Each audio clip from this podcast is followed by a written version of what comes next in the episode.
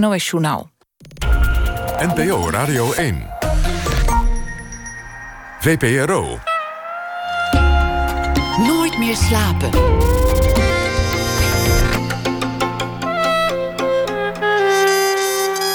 Met Elvie Tromp. Welkom bij Nooit meer slapen. Documentairemaker Leonard Retel Helmrich kreeg een hartaanval toen hij bezig was met de montage van zijn film The Long Season. Hij raakte in een coma en zijn collega's besloten zijn werk af te maken. Na ene hoort u een gesprek over die beslissing met producent Pieter van Huistee. En schrijfster Maartje Wortel komt zo op bezoek. Ze blikt terug op het afgelopen jaar met een column en ze beantwoordt vragen over haar leven en werk in de rubriek Open Kaart. En nu, komend uur, zit tegenover mij de rapper Diggy Dex.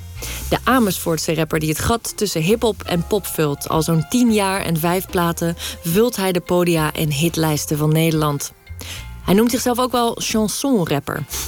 Spreekt zijn liefde uit voor folkmuziek en schuwt samenwerking met zangers uit andere genres niet. Zo maakte hij eerder nummers met onder andere Stef Bos, Guus Meeuwis en Paul de Munnik.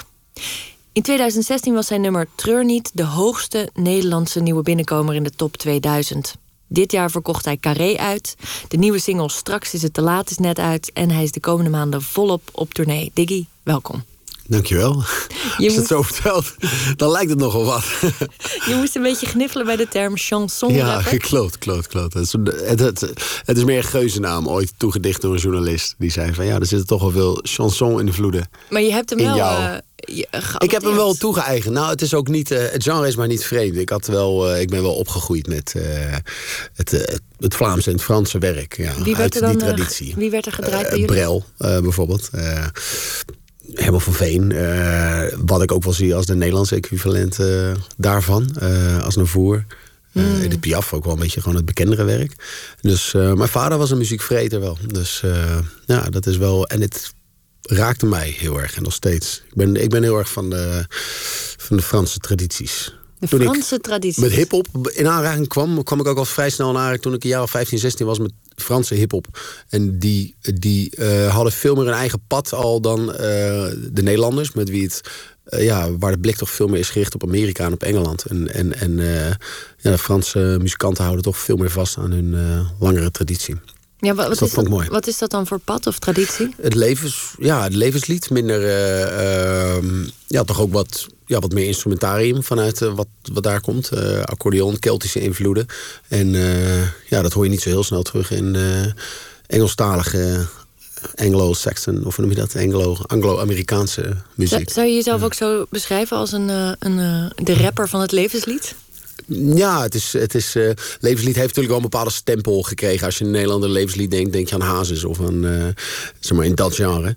En, uh, maar ja, letterlijk natuurlijk liederen over je leven. En dat is, dat is wel mijn besteedje. Ik ben wel iemand die, uh, die ook veel persoonlijke ervaringen erin stopt. Ja, je had het over Herman van Veen, Charles Aznavour. Dat zijn allemaal mensen die in Carré hebben gestaan. Was jij nu de eerste rapper in Carré?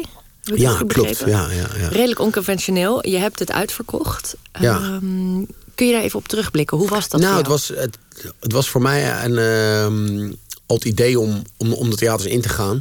Eigenlijk met mijn laatste plaat al. En uh, ja, toen zat ik met mijn boeker, manager. En uh, zaten we wat te dromen van uh, wat we kunnen allemaal gaan doen. En ehm, ik kwam eerst met het pad idee, of met het idee van laten we theaters doen en dan afsluiting carré. lijkt me heel gaaf. En toen zei iemand van ja, waarom gaan we daar gewoon niet beginnen? Dat is toch vet om dat te doen. En uh, ja. Was je eh, bang dat, er geen, uh, dat, dat je hem zou kunnen vullen? Of had je daar... Ja, ik was wel even bang. Alhoewel ik wel merk dat, dat, ja, dat mijn doelgroep wel wat ouder is. Eigenlijk wat ik ben ook. Zo rond de 37, alles uh, min 10 jaar plus 10 jaar, zeg maar. Uh, dus ik had wel zoiets van, nou, dat zijn niet mensen die er nooit zijn geweest of zo. Dus, uh, maar nou, ik was wel heel blij dat het dat het, dat het was uitverkocht. Ja. Wat brengt zo'n groot podium jou? Want je begint met hip-hop natuurlijk in dampende feestzalen. Mm -hmm. uh, wat, wat, wat nou, spe specifiek in Carré was het, was, het, was het heel tof dat de dynamiek van een, van een show is, is veel groter. Omdat ik ook een aantal rustige liedjes heb en ja, waar mensen echt gedwongen worden om te luisteren. Dus dat is, en dat, ja, je zit en je wordt aangekeken van oké, kom maar. Dus elke noot moet wel, of elke woord moet wel raak zijn. Dat kan heel mooi zijn. En soms ook wel heel erg, als hij net verkeerd valt, is dat weer, weer de andere kant van het spectrum. Maar dat maakt de uitdaging wel heel groot. Ja, je dus hebt dat meer eh, vond ik echt heel tof. En ik had ook, het was ook wel iets om te vieren met. Ik had vier, vijf gastartiesten met wie ik heb samengewerkt. Eh, Paul de Munnik, Stef Bos, Eva de Roveren, Jan-Willem Roy. Dus dat was voor mij ook een, een, een viering van, het, eh, van, het, van de muziek, van mijn muziek. Ja. En iedereen erbij.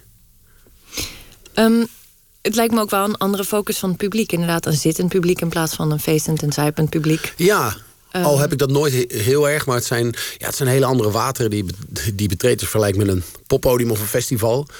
Daar, eh, met de jaren pas je daar ook wel je sets op aan en, je, en de lengte. Het is heel anders om, om inderdaad eh, 45 minuten in de, in de hete zon te spelen, ergens in juli, dan eh, eh, twee uur lang eh, in een theater. Dat, eh, dat heeft een andere aanpak nodig, ja.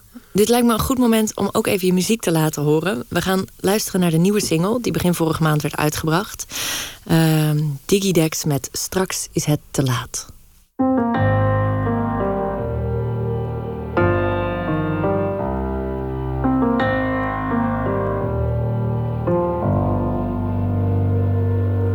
Waarom zou ik nu niet zeggen wat ik straks wel doe? Als iedereen het hoort, behalve jij. Je bent me veel te veel waard om dat te missen. Sommige dingen zijn te kwetsbaar voor de grillen van de tijd. Dat wie het weet mag het zeggen. Voor dit moment ben ik het. Omdat ik zie dat tekens van een tijd een doel niet mis. Dat ik denk soms bij elk telefoontje, nou dit is het. Misschien ben ik een optimist die om jou een pessimist is. Want soms staat de angst om te verliezen bijna gelijk aan de definitie van liefde. Dus in principe is die dunne lijn er eentje om te balanceren. En tot die tijd wil ik nog alles van je leren, zoals jij me vroeger leerde. En ik zie de overeenkomsten met de tijd nog meer, nog meer dan de verschillen. En als ik ook maar de helft van jou kan zijn van mijn kids, ben ik een tevreden man. Hm, Nou, dan weet je dat. Je weet maar nooit, ooit komt het moment dat ik jou niet meer kan vertellen wat ik denk. Straks is het te laat om te zeggen wat ik wou. Hoeveel ik om je hoe trots ik ben op jou. Straks is het te laat om te zeggen wat ik voel. Dus zeg ik nu alvast hoeveel ik van je hou.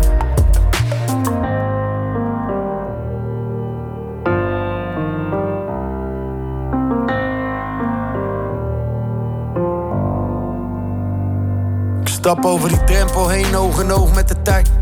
Misschien waren wij wel die familie die het iets te weinig zijn. Ik voel het nog steeds en ik denk dat iedereen dat doet. Binnen onze 3D-familie is het even goed, we leven goed, maar iedereen is druk met eigen ding. Met vijf gezinnen is de tijd moeilijk om te vinden, maar ik denk aan jou. En hoe gek het ook mag klinken, al die uren in de auto met z'n tweeën waren goud.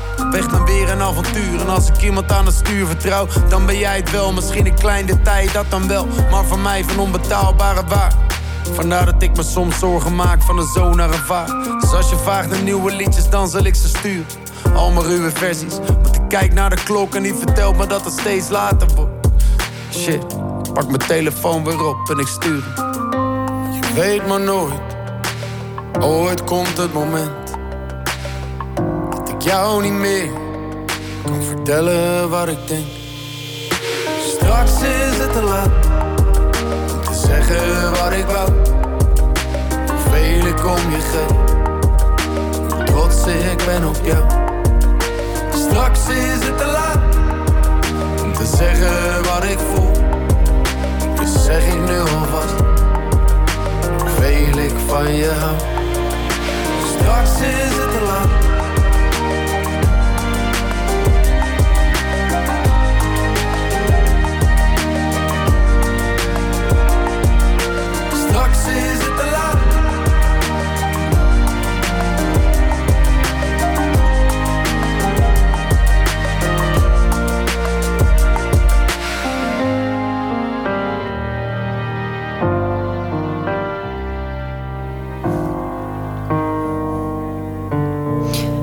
Dat was Straks is het te laat. De nieuwe single van Digidex die het komende uur tegenover mij zit. We hadden het net al over het begin ehm, van de muziek die jou inspireerde. En dat waren altijd verhalende zangers. Herman van Ja. Veen, eh, Charles Aznavour. Ik wil het graag hebben over die taligheid. Hoe belangrijk die voor jou is en in je werk. Ja, dat, dat is waar het voor mij begint. Waar begint een tekst Een verhaal. ja. ik, heb, eh, ik, ik, ik was als jonge jongen al iemand die, eh, die graag verhalen schreef. En, eh, en het hardst aanging op school bij opdrachten als verzin een verhaal of schrijf een werkstuk of, of maak iets, creëer iets. Dat vond ik het allerleukste. En ik, ik weet nog goed dat, eh, dat ze gewoon weer zo'n verhaal... wat mijn moeder natuurlijk al op verjaardag eh, veel bezigt. Dat toen ik hoorde dat Sinterklaas niet bestond... dat ik mee mocht doen met de gedichten. En ik kom wel uit, uit de familie in die traditie. En eh, mijn vader schreef altijd echt eh, vier kantjes vol.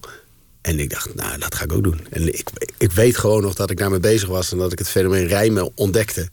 Ik vond dat echt iets heel bijzonders. Toen was ik ja, zes, zeven, denk ik. Ja Was het ook... En- ja? dat, dat is altijd wel, wel gebleven. Toen ik een beetje met tekstschrijven begonnen, met rappen. En eh, dat was ook hetgene wat me aan, heel erg aantrok in eh, rap. Eh, de verhalen, weet je. Dat je echt werd meegenomen als, een, als zijn een documentairemaker in een film. Helemaal toen we Nederlandse rap hoorden, ik en, een, ik en een paar vrienden. Dat was zo direct. En wij begonnen dat ook te doen. En dat, dat, dat was iets wat wij 24 uur per dag deden. En ehm, nog steeds is het, is het kunnen melodieën mij eh, eh, aanzetten, zeg maar triggeren om een bepaalde kant op te gaan. Maar eh, meestal begint het wel bij de, bij de ideeën eh, die ik heb, bij losse zinnen, die dan eh, ja, af en aan komen. En dan eh, ga ik het bij elkaar brengen. Hoe werk je dan? Heb je dan een boekje bij je? eh overvalt inspiratie? Vroeger had ik een boekje, nu heb ik een iPhone. Oh, kijk, ja, dat werkt makkelijker. Ja, spraakberichten en ook wel eens als ik melodieën. Ja, Af en toe ehm, luister ik het wel eens terug. Dat is wel heel grappig als je dat variërend van. hmm, hmm, hmm, ik ben een. Demo-werk, allemaal losse krabbels. Ja. Je leest graag, dat hoor je niet vaak. Ehm, ja. Ja, ik ben wel iemand die. eh, ja. Was, Kok- het, was het ook je vader die. die Vader en die moeder ook wel. Ja, ik kom er wel uit een, uit een vrij eh, klassiek eh, VPRO-gezin, denk ik. Waar vader en moeder allebei geschoold waren. En ons ook echt heel erg aanzetten daartoe. En eh, boeken, boeken mee naar huis namen. En eh, films keken. En, eh, en aan cultuur deden. En dat soort dingen. Is Dus, er, is er een schrijver geweest of een boek wat jou heeft aangezet of geïnspireerd qua stijl? Hmm, dat is een hele goede vraag. Vroeger las ik, las ik wat heel veel kinderen lezen. Theo Beckman, dat werk. Ik denk wel, maar dat, dat, dat heeft meer te maken denk ik met de zoektocht naar... Ik ben ook wel iemand die, die, eh, die hongerig is naar kennis, naar inzichten. Ik denk dat ik een jaar of 16, 17 was en, en, en, me, heel- en, me, en me wat meer de, ja, het pad op eh, ging van de, van de spirituele kant. Om, om even zo te zoeken. En, en dat ik me wel even eh, daarin heel erg antwoorden probeerde te zoeken op wie ik, wie ik was en wat ik wilde. En daar had ik, had ik een enorme inspiratiebron gevonden in een schrijver Neil Donald Walsh heet hij. Oh. Niet eens zozeer qua stijl, maar qua onderwerpen die hij behandelt. De grotere thematieken die, en de persoonlijke thematieken van de mens. Die, eh, ja, die spreken mij heel erg aan. En dat is wel op een wat lichtere manier verwerk ik dat ook wel. Want in, voor wie hem nooit heeft gelezen, wat, wat snijdt hij aan bijvoorbeeld? eh, hij heeft een trilogie uitgebracht, Gesprekken met God. En daar heeft hij het over van alles. Van het persoonlijke niveau tot en met eh, hoe overleef ik het feit dat mijn relatie uit is... tot en met waaruit bestaat het heelal. Ja, En dat was op dat moment voor mij... ja, was dat, eh, was dat mijn Bijbel. bijbel? Ben je gelovig opgevoed? Nee, nee, nee. Niet. nee. En nu? Ben je nu gelovig? Eh, in, het, in, het, in het al zijnde, ja. Nou, we hebben net kerst achter de rug. Ehm, zit daar dan toch ook nog een spiritueel tintje voor je in? Of is het toch meer eten en gezellig Eh, samen zijn? Het samen zijn, dat zit er vooral in, inderdaad. Dat vind ik wel belangrijk, ja. Dat is wel... eh, en dat is natuurlijk iets wat, wat, wat, wat het... religie niet voor niet zo eh, eh, benadrukt. Omdat het ook... eh, omdat het ook een behoefte vervult van heel veel mensen. mensen. Mensen willen graag samen zijn. Ik denk dat, dat de meeste mensen op hun gelukkig zijn als je, als je in, in harmonie bent, als je samen bent. En mensen zijn niet gemaakt om alleen te zijn. Dus dat is fijn met kerst. Dat dat, en ja, nu wordt er het label kerst opgeplakt, maar het kan net zo goed. Het WK voetbal eh, zijn in de finale of zo. Dat is voor sommige mensen Dat geeft toch ook een soort samenhorigheid. Of, eh, of, eh, of, of een Eberhard van der Laan die overlijdt. En dat, en dat, en dat, en dat Nederland collectief rouwt daarom. Poeh, dat was inderdaad ook wel intens. Ehm, ik wil terug naar de jeugd. Je zei het zelf al, ik kwam uit een keurig VPRO-gezin. Je zat op de Amersfoortse Berg, een, een nette middelbare school... in een soort Ja. groene oase. Ja, klopt. Ehm, Zeer ghetto allemaal. nee, nee, En dat, een dat is natuurlijk ook wel veranderd of zo. Maar dat is wel natuurlijk een van de, eh, een van de meeste dingen die ik altijd wat horen kreeg. Van, hé, rap, wat? Je wat- werd gegrepen door die rebelse rap uit Ja. Amerika aanvankelijk. Ehm, wat gebeurde er? Neem me even mee naar die tijd. Wie was je? Ja, ik was een, eh, mijn jonge eh, jongens, zoals vele van een jaar of 13, 14... En, eh, bezig met vrienden, met skateboarden, en met basketballen en, eh, en, en met muziek. En, ehm, en ik eh, speelde al wel, wel wat muziek samen met mijn broer dan. Die, eh, die op gitaar speelde en ik dan een beetje op een drumstel. Ja, je komt uit een groot gezin, hè? Eh, nou, ik, mijn ouders zijn gescheiden toen ik 14 was. Of 13, 14. Dus toen is, het, is het gezin heel groot geworden in één keer. Omdat er een heleboel broers bij kwamen. Ah, en, en zussen. Maar dat is ondertussen eigenlijk alweer ehm, heel lang. Ja, alweer meer dan 20 jaar, bijna 25 jaar geleden. Maar een scheiding in, eh, op je veertiende, dat, dat heeft wel impact, lijkt me. Hakt er wel in, ja. Op dat moment besefte ik het nog niet zo, omdat ik toen eh, echt wel aan het puberen was. En naar de, naar, naar de stad ging en het, en het wel fijn vond dat mijn ouders eh, bezig waren met zichzelf. En mij dus wel wat vrijer lieten. Dat had dan ook wel weer voordelen. Had al wel voordelen. Was het een abrupte maar scheiding? achteraf was het, was het wel, eh, ja, we zijn er nog een heleboel puzzelstukken die je moet leggen, zeg maar, voordat je het grotere geheel ziet. Dat heeft ook wel even geduurd, ja. Kun je me daar een voorbeeld van geven? Nou, dat, je, dat, je het, dat ik steeds beter begreep waarom ze uit elkaar zijn gegaan. Ja, en dat dat eh, gelukkig geen ehm, mm, hele nare... Het zijn allebei geen eh, nare personen gelukkig. Het zijn allebei hele lieve, lieve mensen. Dus dat is wel... eh, dat, is een, dat is een heel fijn besef. Maar soms... ja, soms klikt dat niet en lopen dingen zo. En daar heb ik ook wel mijn lessen uitgetrokken. Van, van dat je met je... Ja, van die hele cl- cl- cliché dingen. Maar toch is het ja, niet, niet voor niets dat veel mensen daar tegenaan lopen. Tijd voor elkaar besteden, blijven praten, blijven... Ja, goed. Wat je, wat je in de, eh, leest in de krant tot en met eh, in de Linda. zeg maar. De Wat- tips voor een goede relatie. Wat deed het eh, met jouw beeld van de liefde? Ja, het wel, wel een tik gekregen, maar meer, het was meer een soort shake-up van het fundament wat je, wat je hebt. Omdat je ouders, dat, dat- oude, ja, je ouders zijn geen mensen, denk ik. Als, als je jong bent, je ouders zijn eh, entiteiten die er altijd gewoon zijn. En, eh, Je alfa en omega. Ja, je, ja, precies. Je beseft niet eens dat ze ook gevoelens hebben en dat ze verliefd kunnen worden op, op iemand, überhaupt verliefd kunnen zijn of verliefd kunnen worden op iemand anders. En, eh, en dat. Maar eh, nee, mijn grootste les heb ik wel zelf geleerd. Ja. Ik was wel vrij naïef.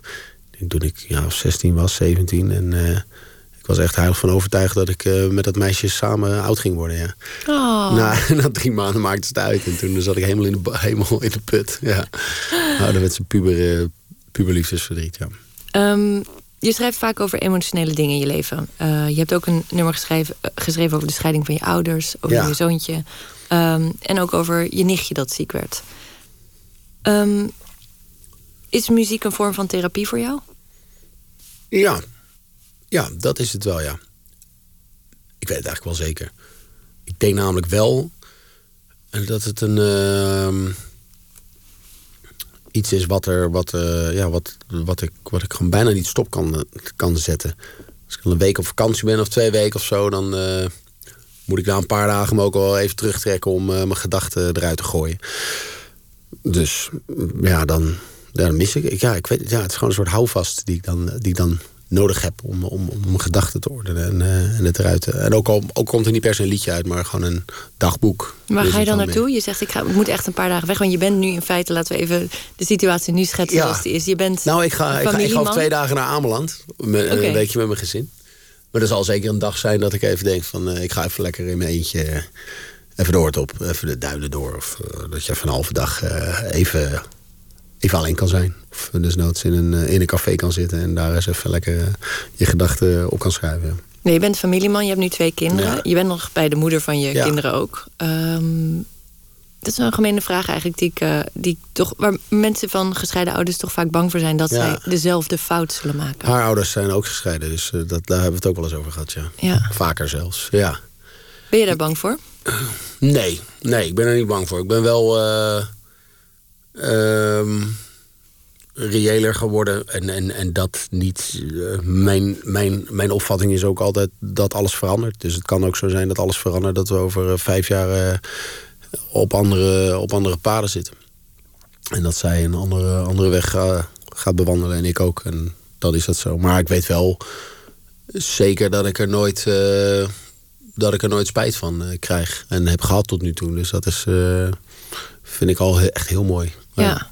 Het lijkt me wel een spanning um, om dat familieleven te hebben... en daarnaast een enorme carrière op te bouwen. Soms is het ook wel lastig, ja. Het, ja. het vergt wel een, een bepaalde... Daar hebben we het ook, dat is iets waar we ook wel veel over moeten blijven praten en ook doen is dat er wel ehm, eh, gewoon een beroep wordt gedaan op, op, op, uh, op, je, op je partner als je, het gewoon, uh, als je veel weg bent. Ja. Nou ja, wat je nu zegt, jullie gaan even een paar dagen lekker uitwaaien. Maar jij moet toch even weg. Ja. Dan, moet, dan moet die partner toch maar denken, oké. ja, dat moet het zeker. Nee, dat is ook wel zo, ja. Een enorme bereidheid. Ik ben daar wel... Ik als ik thuis ben, dan ben ik ook wel, dan ben ik ook wel thuis. Gewoon. En dan ben ik ook gewoon een uh, normaal, gewoon een leuke, een leuke huisvader. En uh, die met de kinderen op pad gaat. En, en het is ook vice versa hoor, trouwens. Zij heeft daar ook behoefte aan. Dus we hebben ook wel uh, momenten dat zij dan alleen weg is. Ergens naartoe. Dat ik met de kinderen op sleeptouw ben. Ja. ja. Maar het is inderdaad wel een... zou iedereen beamen. Ook mensen die, die niet per se in een creatief beroep zitten. Ja. Kinderen hebben is een, is, een, is, een, is een grote verandering. Ja op je relatie, op je leven. Ja, jij was 29 toen je vader werd. Uh, je woonde net in Amsterdam, net samen. Ja. Je muziek begon net een beetje te lopen. En toen werd je vader en je dacht... oh shit. What the fuck. Het is voorbij. Ja, dat dacht ik wel, ja. Er zijn veel dat idee had ik altijd heel, heel Kan ik uit erg. ervaring zeggen. Ik denk dat heel veel jonge mannen daar bang voor zijn, ja. ja wat, uh, is, ook, wat, is, je, wat is je boodschap uh, aan hun? dat het... Um, ja, in dat nummer Golf heb ik daarover. Daar zeg ik aan, niemand houdt de golf, maar jij kan leren staan. Dat is wel een vrij bekende uitspraak. Maar ik heb dat uh, uh, ja, wel gebruikt daaraan in. En zo is het ook. Ja, dus uh, laat het komen. Ja. En ehm, omarm het, weet je. En probeer heel veel... ik denk dat het heel veel te maken heeft, voor mij dan, met het, met het feit dat, dat ik het moeilijk vind. En ik denk heel veel mensen van uh, het echt leven in het, in het nu. En, en alle keuzemogelijkheden die je, die je hebt als uh, jonge man of vrouw op dit moment.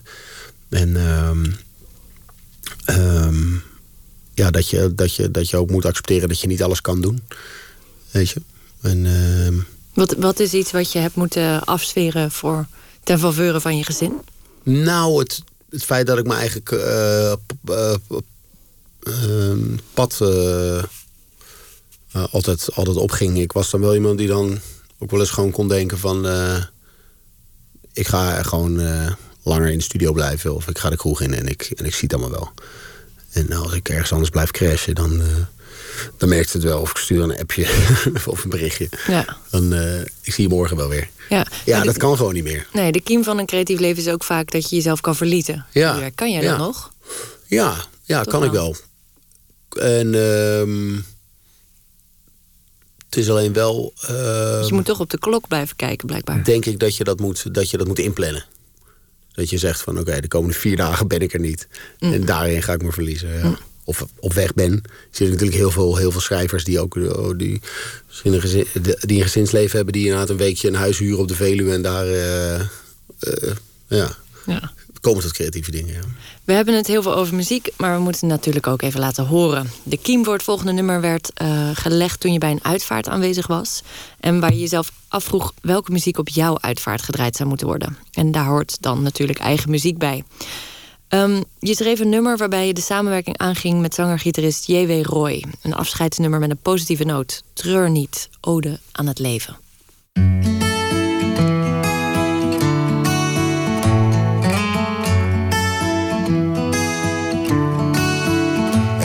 Als de klok luidt, de tijd is. Ik zing voor de laatste keer, als ik daar lig in vrede. Zing deze dan nog een keer. Ja, heb je ooit wel eens bedacht wat je zou zeggen? Als je straks daar ligt voor hen die jou kennen. Wat zijn de woorden die je mee zou willen geven? Hier, dus bij deze, mode aan het leven. En ik heb alles hier gedaan wat ik wou. Ik heb dingen voor mezelf en gemaakt voor jou. Ik heb het zilver al gezien en gegaan voor goud. Ik had het soms fucking heet en soms dagen koud. Maar ik heb altijd geprobeerd om te gaan voor liefde. Te staan voor mijn naasten, te gaan voor vrienden. Te gaan voor familie in de dag en de nacht. Ik heb zoveel gekregen, niet altijd verwacht. Yeah, en dat is mijn filosofie, dus doe maar één loop. Als ik weg ben, dan denk aan dat. Waarvoor je weet is je show voorbij. Dus draai deze nog één keer, één van mij. En als de klok luidt, de tijd is. Ik zing voor de laatste keer. Als ik daar lig, in vrede. Zing deze dan nog een keer. En als de klok luidt, bouw dan een mooi feest voor mij. Zo'n eentje die doorgaat, doorgaat voor altijd. En mocht ik heen gaan, ergens, treur dan niet om mij. Proost op het leven en treur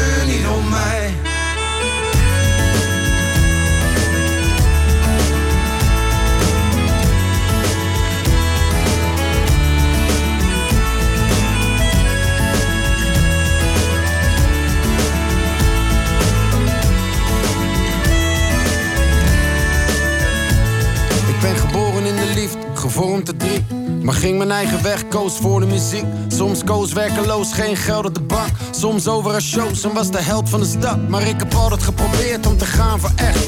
Dat lukte vaak wel, maar het soms niet echt. Ik heb mijn zinnen afgemaakt, elk woord gezegd. En ik ben overal geweest, Zuid, Oost, Noord, West. En ik ben broke geweest en ik heb buit gemaakt. Ik heb liefde gekend en ook weer uitgemaakt. En ontzettend veel gehouden van haar en van hem. En ze weet, want ik heb het zo vaak gezegd. Yeah. En dat is mijn filosofie, dus doe maar één loop. Als ik weg ben, zeg het nog geen keer. Waarvoor je weet is je show voorbij. Dus draai deze nog één keer, één van mij. En als de klok luidt, de tijd is. Ik zing voor de laatste keer. Als ik daar lig, in vrede. Zing deze dan nog een keer. En als de klok luidt, bouw dan een mooi feest voor mij. Zo'n eentje die doorgaat, doorgaat voor altijd. En mocht ik heen gaan, ergens, treur dan niet om mij. Maar proost op het leven en treur niet om mij. Maar proost op het leven en treur niet om mij. Maar proost op het leven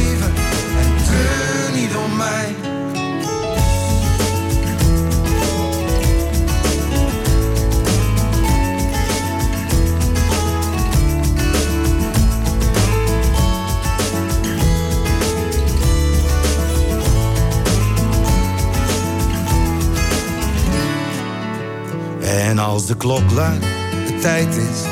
Ik zing voor de laatste keer. Als ik daar lig, in vrede. Zing deze dan nog een keer. Dat was Treur niet, Oda aan het leven van Diggy Dex. Hier samen te horen met zanger-gitarist J.W. Roy. En dit nummer is terug te vinden op het album Golven... en als live-uitvoering op het album Live at Carré... die Diggy dit jaar heeft uitverkocht. Uh, en tot het nieuws van 1 uur praat ik hier verder met Diggy Dex. Uh, we hadden het over zijn liefde voor de taal... Uh, zijn liefde voor het verhalende lied... Herman van Veen, Charles Aznavour, zijn familie... Um, zijn beschermende VPRO-gezin waar hij in opgroeide. en hoe daar ineens de hip-hop als een bom insloeg. ja, toch? Ja. ja, het is vet, man. En wat het vaderschap met je ja. deed. Ja, ja, ja, ja, ja. Daar hadden we het net over. Het was wel een. Een uh, het heeft wel even geduurd, ja. En nog steeds. Het is wel gaan dat ik daar af en toe mee, mee worstel. Ja. Het is. Uh, toen ik het hoorde ook dat ik vader werd, was ik, was ik ook helemaal niet blij. Uh, in het begin. Dus dat was natuurlijk ook wel even slikken voor mijn uh, vriendin, die gelijk het graag wilde houden. de eerste jaren waren ook wel, waren ook wel lastig. Ik ben wel, wat, ik, wat ik ook net zei, ik ben wel iemand die, ja, die misschien wel een pleaser is. En, en die graag aan verwachtingen wil voldoen en het graag goed wil doen. Dus ik had ook heel erg het idee van ik moet de allerbeste vader van de wereld zijn. En, en, en ik moet er alles voor hem doen en, en er zijn en er altijd zijn in het moment. En, merkte helemaal in de eerste twee jaar. En dat ik. Uh, ik ben, ik kan ook wel snel in gedachten verzonken zijn, inderdaad. En dan uh, de uitvlucht zoeken in de, in de tekst, zeg maar. En dan, uh, ja, als ik dan drie uur achter elkaar in de speeltuin met hem stond en hij wilde duizend keer de glijbaan af, dan was ik ook niet altijd blij daarmee. Nee.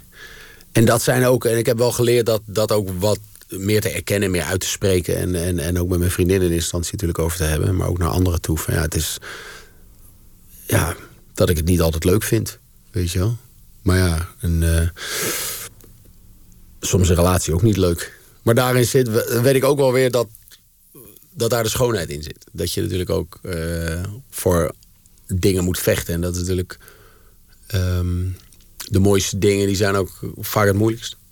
Dus ik denk dat dat het is. Kun jij je eigen, het ouderschap, ja. Kun jij je eigen beperkingen accepteren? Um, steeds beter. Ja. Wat is, wat is een eigenschap van jezelf waar je steeds tegenaan loopt?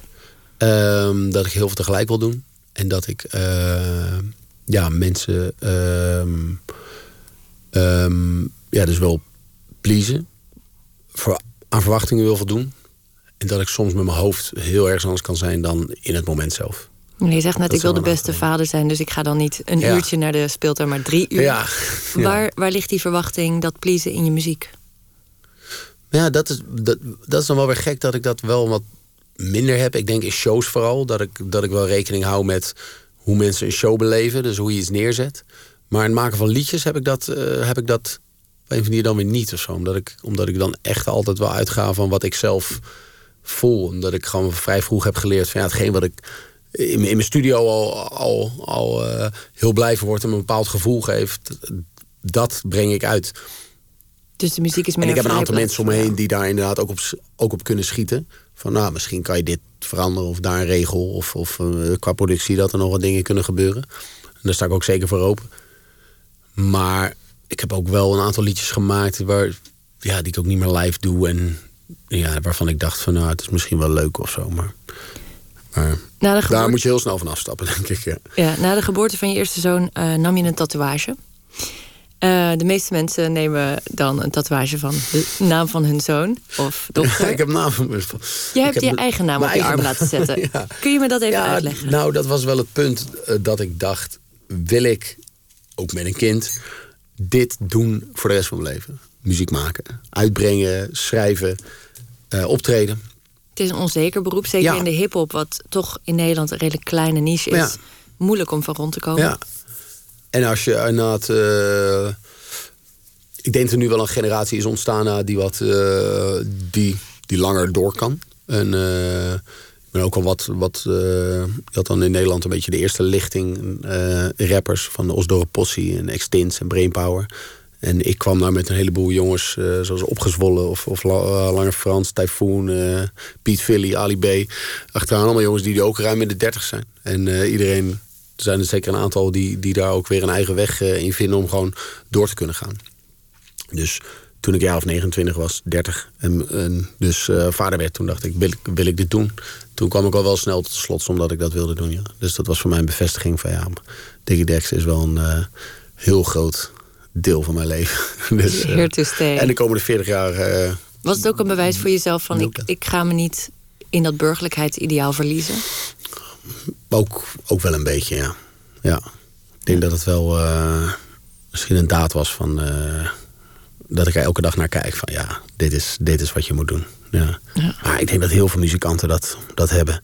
Je, ik had het laatst met een vriend van mij die al tien jaar is hij producer, engineer en dan heeft hij weer eens een paar dagen dat het wat minder gaat... of, of dat hij wat minder klussen krijgt. En dan, en dan schiet er door zijn hoofd... shit, straks moet ik een echte baan gaan zoeken. En uh, dan drie seconden later denk ik... nee, tuurlijk niet. Weet je wel. Maar dat is denk ik wel een onderliggend iets... wat, wat heel veel uh, muzikanten in Nederland... Uh, en daarbij denk ik ook acteurs... of, of het is ik gewoon denk, een hele, ik denk alle hele kleine markt. van Nederland ja, inmiddels. Denken van, en dat is ook de valkuil natuurlijk. Dat je gewoon moet blijven rennen de hele tijd. Ja. ja. Talent is 10% van succes, zei je ooit. Wat is de rest? Um, het vermogen om. Uh, vermogen tot zelfkennis. Vermogen tot met andere mensen om te kunnen gaan. Hard werken. Uh, balans vinden. Um, um, ja. Balans vinden tussen persoonlijk en. Ja, persoonlijk, zakelijk. Uh, sterke punten kunnen, kunnen, kunnen uitlichten zwakke punten kunnen, kunnen vinden en daar ook uh, vrede mee hebben. En um, ja, de, de hele persoonlijke route, laat ik het, laat ik het zo zeggen. En dat is inderdaad van, gewoon, gewoon een klassieke voorbeeld van... Ik een keer las van een hele goede voetballer. Wesley Snijder, die, die zei van... in mijn team zaten... bij de jeugd zaten minimaal vijf jongetjes... die veel getalenteerder waren dan ik. Maar ik ben hier. En zo is het ook met muziek, denk ik. Ja. Lange tijd runde je je eigen platenlabel. Uh, zie je jezelf als cultureel ondernemer? Dat is natuurlijk nu het nieuwe het, ideaal van nieuwe... elke artiest in nee, Nederland. Dat, nee, nee, niet. Ik ben in de eerste plaats muzikant, maker, uitvoerder daarbij heb ik wel een, een, een, interesse voor het culturele klimaat. En dan, dan in Nederland. En dan voornamelijk ook wel in Amersfoort, waar ik woon. En, en, en waar ik veel mensen daarbij ken. En, de, en daar vind ik het wel leuk om een steentje bij te dragen. Op wat voor manier dan ook. Ja, ik heb laatst bijvoorbeeld de preek van de leek gedaan in Amersfoort. Dat is echt iets heel tofs. Wat is dat? Dat is een, een leek, wordt uitgenodigd om een de traditionele katholieke preek te houden over zijn uh, thema in zijn leven. Dat kan van alles zijn. Ik had het over verbondenheid. En uh, ja, dat zijn wel dingen waar, omdat ik daar zelf ook wel eens een keer ben geweest en zie dat dat uh, mensen aantrekt van, uh, van uit Amersfoort en buiten Amersfoort... die normaal misschien niet zoveel met mijn muziek hebben... en daarin toch worden meegenomen. En dat vind ik leuke dingen. En ook weer iets terug kan doen naar de Dat klinkt ook een beetje berekenend. Ja, misschien ook wel, maar het is wel... Zo bereik ik de mensen die ik met mijn nou, muziek nee, bereik. niet per se voor mezelf, maar meer dat ik... Dat zijn toch ook vaak mensen die niet zo heel snel in contact komen met jeugd. Niet dat ik mezelf al echt tot de jeugd beschouw, maar in hun ogen ben ik nog wel een jongere. Hmm. Mensen van echt uh, 60, 70. Nou, je draagt een capuchon trui, dus in ieder geval dat is jeugdig. dus dat ik op die manier ook al laten zien van... hé, hey, er is wel meer dan, dan, dan, dan wat je misschien denkt over, over, over rap. Of over hip-hop. Dus dat Ja. vind ik dan ook wel weer een leuke manier. Je hebt het over eh, dat altijd door moeten hollen in je werk. Over een pleaser, willen zijn. ehm, en dat maar 10% talent niet genoeg is om succes Ja. te zijn. Ehm, hoe kom je zo tussen die bedrijven door aan die reflectie op je eigen werk? Of ontwikkeling in je eigen Als ik in de studio zit. Toch? Dat is voor mij ook wel de, de reflectieperiode, ja. Daarom ben ik ook wel echt wel heel blij wat ik, wat ik doe. En als ik, eh, als, ik, als ik een tekst aan het schrijven ben, dan ben ik ook aan het reflecteren vaak. Dus dan... eh, Is jouw manier van, eh, nou laten we het cultureel ondernemerschap zijn, het nieuwe, de toekomst voor de nieuwe rapper? Ja, weet ik niet. Ik, ik denk dat iedereen dat op zijn eigen manier moet, moet, eh, moet uitzoeken. Dit is een manier die voor mij werkt. Ik bereik een bepaalde doelgroep, maar eh, er zijn ook weer mensen die, daar, die niet bereikt zijn en die op een andere manier ehm, eh, door andere jongens of meisjes bereikt kunnen worden. Maar ja, ik denk toch altijd dat het allerbelangrijkste is om het gewoon te doen. En eh, ik, dat klinkt ook weer zo plat. Maar zo is het. Gewoon zitten, maken. En als je hele mooie dingen gemaakt hebt... eh, zoek wat mensen om je heen eh, en maak een plan. Nou, wel? zo verheven is de kunst nu helemaal niet. Heer- nee, nee, nee, nee. Nee. Het is allemaal niet al te moeilijk. Weet je, gewoon. ik denk vaak ook de, de allermooiste liedjes zijn ook vaak het allersimpelst. En omdat het een, een kernidee is wat iedereen aanspreekt. En dat is met een mooie film ook, of een, of een mooi, eh, mooi theaterstuk. Weet je, wel? als je gewoon een eh, idee van hier loop ik mee rond. Dit heb ik in mijn hoofd. Ik heb een paar zinnen. Zet het op papier. Knal het erop. En eh, ja, gooi het wel de wereld in. Ja. Je ziet bij rappers als ze volwassener worden een bepaalde uitgesprokenheid in onderwerpen, activisme. Ehm Typhoon is bijvoorbeeld iemand die zich uitspreekt in vele debatten, Mhm. veel Ja. podia betreedt. Ehm, voel jij die drang ook om je uit te spreken over het politieke klimaat of over de maatschappij? Ja, heb ik wel, inderdaad. Ik heb het wel. ehm, het, het hangt ook wel een beetje af hoe mijn, eh, hoe mijn pet staat. Maar ik ben wel iemand die me, die me bezighoudt met, eh, met maatschappelijke, maatschappelijke issues. Ik doe het misschien wat meer in de, in de luwte. Ik ben bijvoorbeeld ambassadeur van Masterpiece. En dat, dat, is, dat, dat is iets wat me heel erg aangrijpt. Het wat, is, vluchtelingendebat. wat is Masterpiece? Het is een organisatie ter, eh, ter bevordering van eh, eh, respect voor elkaar, vrede, duurzaamheid op, via de muziek. Het is een organisatie in 40 landen. En, in- en het hoofdkantoor zit in Nederland. En die organiseren dus ehm, eh, evenementen eigenlijk in verschillende landen. Waardoor bijvoorbeeld in de eh, ik noem maar wat. Volgens mij leg ik het verkeerd uit.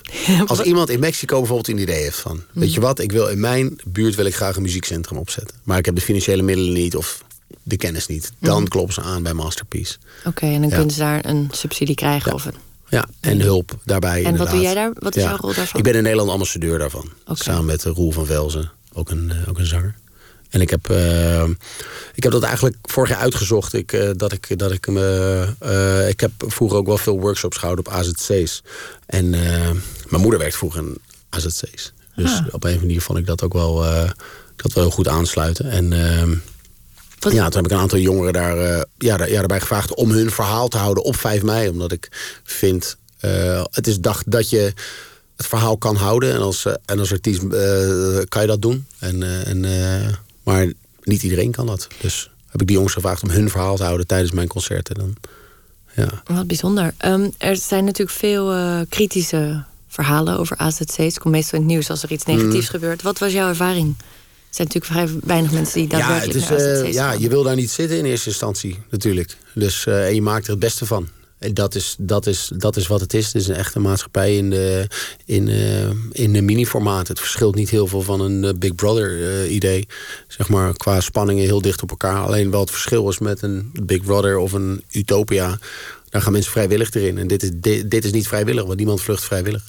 Dus eh, ja, dat levert van alles op. Weet je, spanningen en, eh, en dergelijke. Dus eh, mensen daar willen niets liever dan zo snel mogelijk uitsluitsel wat er, eh, wat er gaat gebeuren. Of ze er nou teruggaan of, of dat ze hier willen, eh, kunnen blijven. ja. Vond je dit ontgoochelend? Ja, ik heb er wel eerder in AZC's, eh, of daar ben ik langs geweest. En ehm, ja, het is, het is altijd met dat soort debatten, op, op het moment dat het, dat, het, dat het ontspoort, verliest het al alle, alle maat en alle kern. En dat is eh, een mens die hier is eh, met zijn gezin, al dan niet. Ehm, daar gaat het om, weet je. En eh, die mensen wil je gewoon zo goed mogelijk behandelen, denk ik. En een zo goed mogelijke toekomst geven. En ehm, ja, je zou bijna verplicht moeten stellen, willen stellen. En laat iedereen een keer na, op, z'n- als van de middelbare school afkomt, een paar dagen op een AZC mee- meelopen. Ik ben ook helemaal niet, eh, weet je, ik vind ook wel dat, eh, dat eh, overheid wat dat betreft zich veel te veel, zich veel, te veel heeft teruggetrokken. Dat is ook een beetje dualisme hoor bij mij, want ik vind ook vaak bijvoorbeeld in de kunstsector, nu neem ik even een heel erg zijpad, maar dat er, dat er vaak wel, wel wordt gepamperd. En dat ik wel iemand ben van, je hoeft geen kunstenaarsuitkering te hebben. Want als jij echt je kunst wil maken... dan kan je ook net zo goed twee dagen per week bij de Albert Heijn werken... en nog heb je nog vijf dagen om kunst te maken. Nou, die kunstenaarsuitkering is natuurlijk al jaren Ja, die is al jaarlijk geleden afgeschaft. gestraft. Dat weet Redelijk. Dat, eh, klopt. Dat is ook zo. Ja. Maar dat was toen. En, ehm, maar aan de andere kant ben ik heel erg voor... oké, ja, je moet het zelf doen. Je moet het, weet je, als, je iets, als je iets voelt of als je kunst wil maken... Dan, dan heb je alle middelen om dat te doen. Aan de andere kant voor veel dingen als... wat er misschien bij kunst in mijn optiek te veel is... is er bij inderdaad gewoon in zorg en onderwijs, veiligheid... dat is er te weinig, omdat het aan de, aan de markt wordt overgelaten. En dat is, dat is, dat is denk ik eh, in het vluchtelingendebat ook zo... Dat er, dat er heel, heel erg naar cijfers wordt gekeken. Hoe duur het is, hoeveel mensen er hier komen... eh, wat voor overlast het veroorzaakt, criminaliteitscijfers, dergelijke. Maar En, bij, eh, bij kunst wordt er toch net zo goed naar de cijfertjes inmiddels nou, gekeken? wel steeds meer. Maar ik heb het gevoel dat er bij kunst... ehm, poppodia worden eh, gesubsidieerd. En Nederland is het in ieder geval het land in Europa... wat het hoogste podiumdichtheid kent, het hoogste festivaldichtheid. Dus wat dat betreft hoeven we, hoeven we nog niet ons heel erg zorgen te maken, denk ik. Nee. En eh, moeten we ons meer zorgen maken over, denk ik, zorg, onderwijs en, en dergelijke. Die plekken zijn toch belangrijk, zeker voor jonge rappers, ook om ervaring op te doen?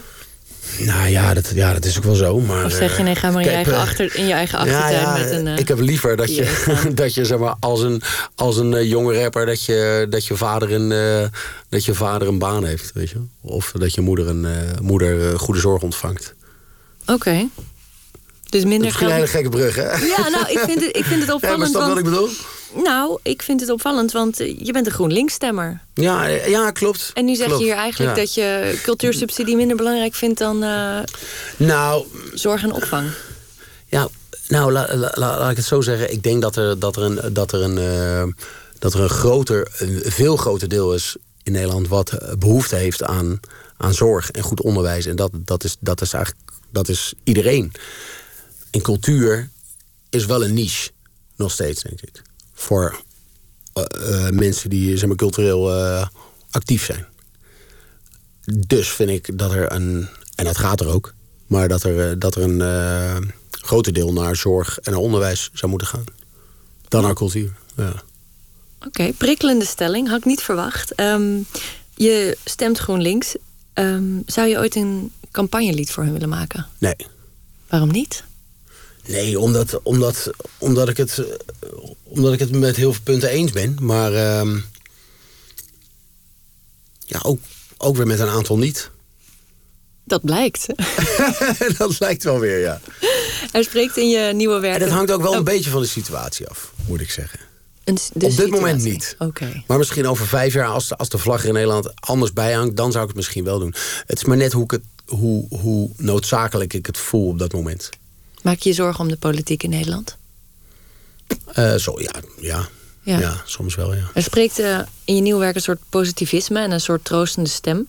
Ehm, je bent een GroenLinks-stemmer. We zien duidelijk een, een verrechtsing van de politiek, van Mhm. de maatschappij, van het debat. Ja, ja ik denk... eh, Is die, dat is die troost jouw antwoord? Of Nou ja, ik denk het wel. Ik voel heel erg zelf ook, ook dat, je, dat we aan het zoeken zijn naar, naar inderdaad alternatieven hiervoor. En, die, en dat zie je ook natuurlijk. En daar- daar, zijn er veel artikelen over geschreven. Over mensen die duur, eh, eh, duurzame alternatieven bieden. Of, of, of inderdaad eh, binnen, binnen leefgemeenschappen. Maar ik denk dat iedereen het gevoel heeft dat het, dat het om, het om het kernachtig te houden, dat het te snel gaat en te groot wordt.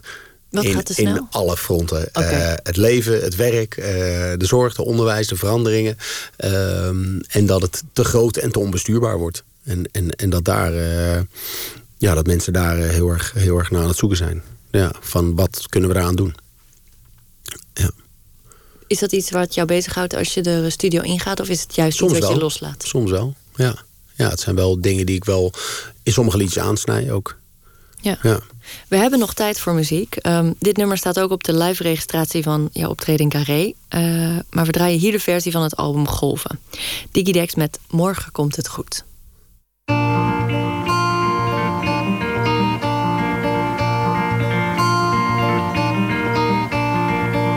Hoe heeft het zover kunnen komen?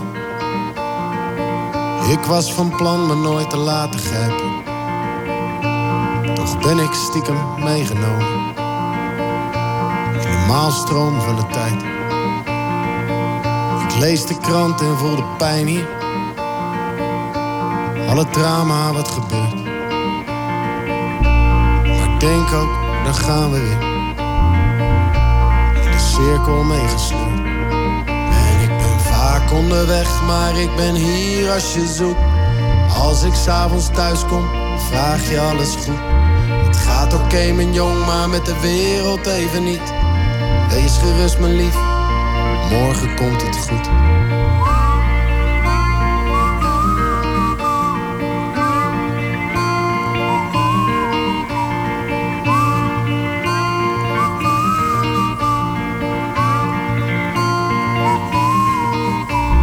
En als de wereld losgaat, hoor dan wat ik zeg. Ik zeg je dat er altijd nog meer goed is dan het slecht. En als de oorlog losbreekt, ben ik het die je vangt. Dan zeg ik dat er altijd nog meer liefde is dan angst. Maar als je landen bombardeert, krijg je telkens weer terug wat je verdient. Al door de lijden nog zo zeer. Maar als de wereld losgaat, ben ik hier nog bij. Dan zeg ik dat er altijd nog meer liefde is dan lijden. En als de oorlog losbreekt, ben ik het die je vangt. Zeg ik dat er altijd nog meer liefde is dan angst.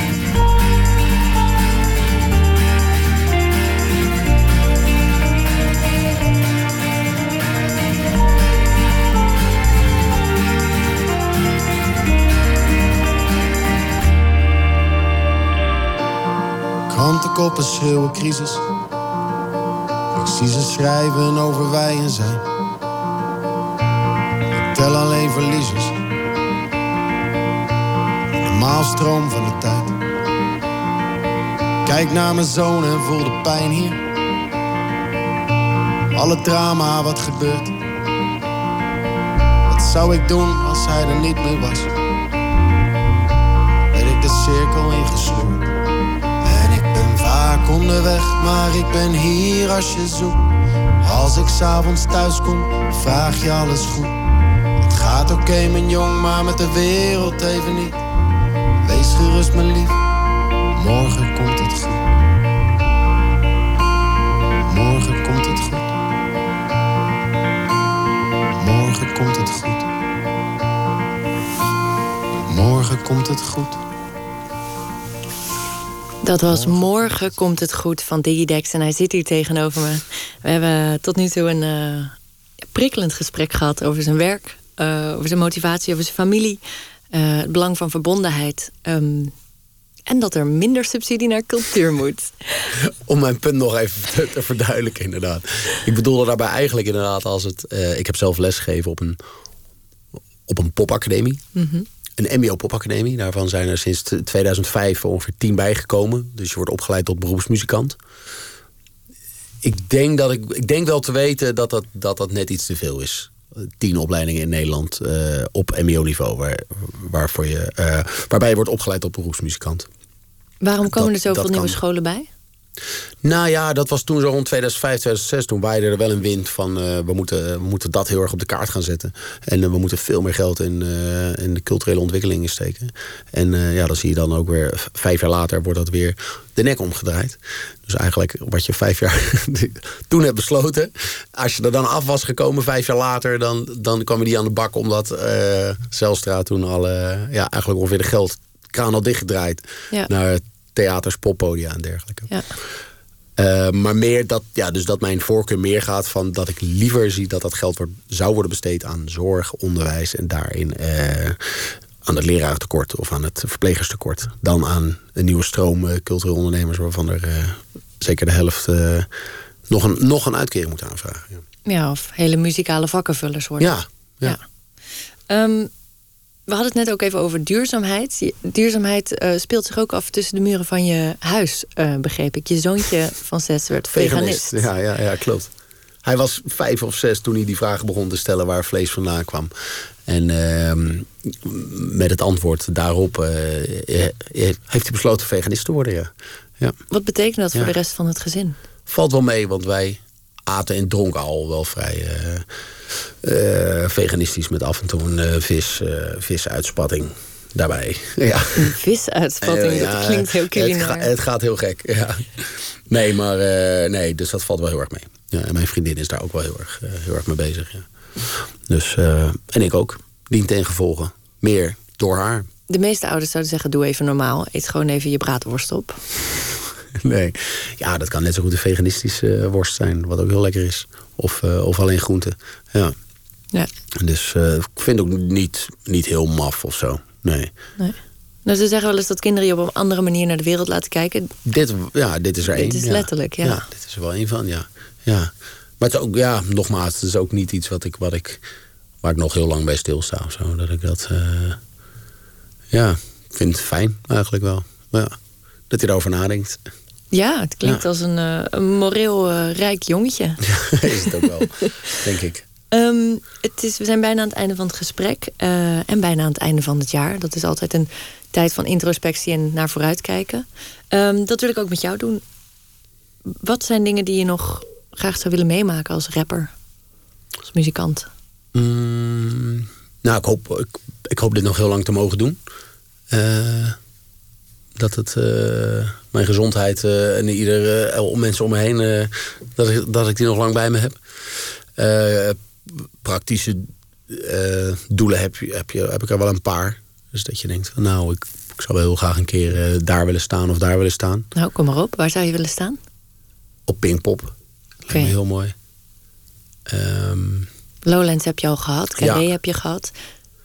Dus dat zijn praktische dingen. Maar ehm, ja, verder hoop ik, hoop ik, hoop ik vooral dat, dat, dat, dat, dat er weer gewoon een boel mooie dingen aankomen. Dat ik dat uh, meer mag delen. Ja. Hoe simpel is het? Ja. Ik las ook dat je stiekem een, uh, een romanambitie hebt. Mm, ja, ik heb wel eens, ja, daar speel ik af en toe wel mee. Maar ik heb ook eens een documentaire idee met een, met een vriend van mij. Ja, een documentaire over het, idee? Over het, over het al. Het al. dat klinkt wel heel vaag, hè? Kun je wel weer terug Nou, naar ja, Donald Walls zo- Niels, geloof ik, de schrijver je- documentaire over... over, over ehm, daarom ga ik ook altijd gewoon wel heel goed op sociologie of op antropologie... omdat het, omdat het heel goed blootlegt dat we allemaal hetzelfde nodig hebben... waar je ook vandaan komt. En dat we allemaal eh, min of meer hetzelfde in elkaar steken als mensen. En eh, in die documentaire zou ik heel graag willen zien... dat een Geert Wilders in essentie niet heel veel verschilt van een... eh, Molukse verzetstrijder eh, die hier is gekomen in 1950. Nu noem ik een hele rare vergelijking. Maar is dat je op zoek gaat naar die verbondenheid... wat ik dus ook in die muziek heb. eh, en daarin blijf zoeken. Ik denk dat dat een hele mooie gedachte is om dit gesprek mee af te sluiten. Eh, en ook een waarde is die in al je muziek zit. Ja, Dat klopt, ja. Ik wil je bedanken voor, eh, Dankjewel, voor Ja. dit gesprek. En eh, heel veel succes met je tournee. Je staat eigenlijk nog overal eh, in Nederland. de Volgend jaar theatertournee, ja, Ja. klopt. In maart. Oh, sorry, mei is Vanaf dat. mei, hè? Ja, vanaf Ja. mei. Ja. Oké. Dus Nou, dan wens ik je nu alvast een heel gelukkig nieuwjaar. dankjewel. Jij ook. En we gaan je meemaken in het volgende jaar. Dankjewel. Straks komt schrijver Maartje Wortel hier op bezoek. In haar column blikt ze terug op het afgelopen jaar. En in de rubriek Open Kaart beantwoordt ze vragen over haar werk en leven. Verder hebben we hier een gesprek met Pieter van Huistee over de film The Long Season. En verslaggever Jan Paul zoekt uit hoe het komt dat de popmuziek steeds langzamer wordt. Dat en meer na het nieuws van 1 uur.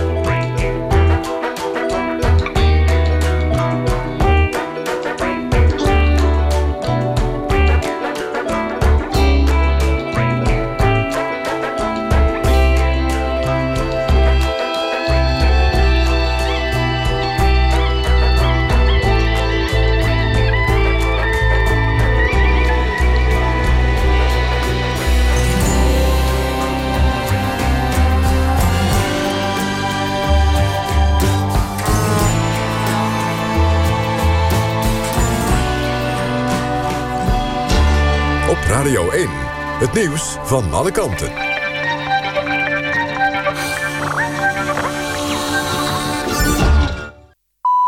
1 uur Eefje Kunnen met het NOS Journaal. De storing bij ABN AMRO is voorbij. Klanten hadden sinds eind van de middag problemen met internetbankieren. Even na middernacht was de storing verholpen. De bank laat weten dat een aantal mensen door de storing dubbel geld heeft overgemaakt.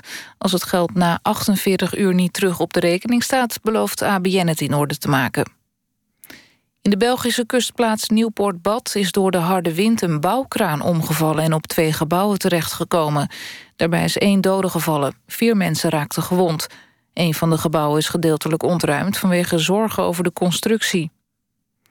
Een Bosnisch-Kroatische vrouw is veroordeeld tot 14 jaar cel... voor misdaden tijdens de burgeroorlog in het voormalige Joegoslavië begin jaren 90.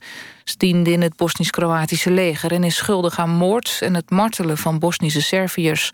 Ze stak een gevangene dood en zou bij anderen een kruis in het voorhoofd hebben gekerfd.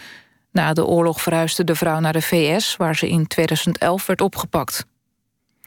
De 500 rijkste mensen ter wereld zijn dit jaar nog eens 1 biljoen dollar rijker geworden. Daarmee is de groei volgens persbureau Bloomberg vier keer zo groot als vorig jaar. Dat de superrijken zoveel rijker werden komt vooral door de stijgende beurskoersen. Jeff Bezos, de baas van webwinkelgigant Amazon, zag zijn vermogen het meest toenemen met ruim 34 miljard dollar naar bijna 100 miljard in totaal. Bill Gates van Microsoft staat in de lijst van Bloomberg op de tweede plek van rijkste ter wereld. Raymond van Barneveld heeft Vincent van der Voort uitgeschakeld in de race om de wereldtitel darts. Het werd in Alexandra Palace 4-1 voor Van Barneveld, die daarmee door is naar de kwartfinale. Ook Michael van Gerwen is door, al had hij een lastige aan tegenstander Gerwin Price. Van Gerwen won uiteindelijk met 4-2. Het weer nog bewolkt en regenachtig. De wind neemt af en het koelt af tot een graad of 6. Morgen is het vrij koud, 4 of 5 graden. Er vallen buien met aan zee kans op hagel en onweer... en landinwaarts soms natte sneeuw. Dit was het NOS Journaal. NPO Radio 1. VPRO. Nooit meer slapen.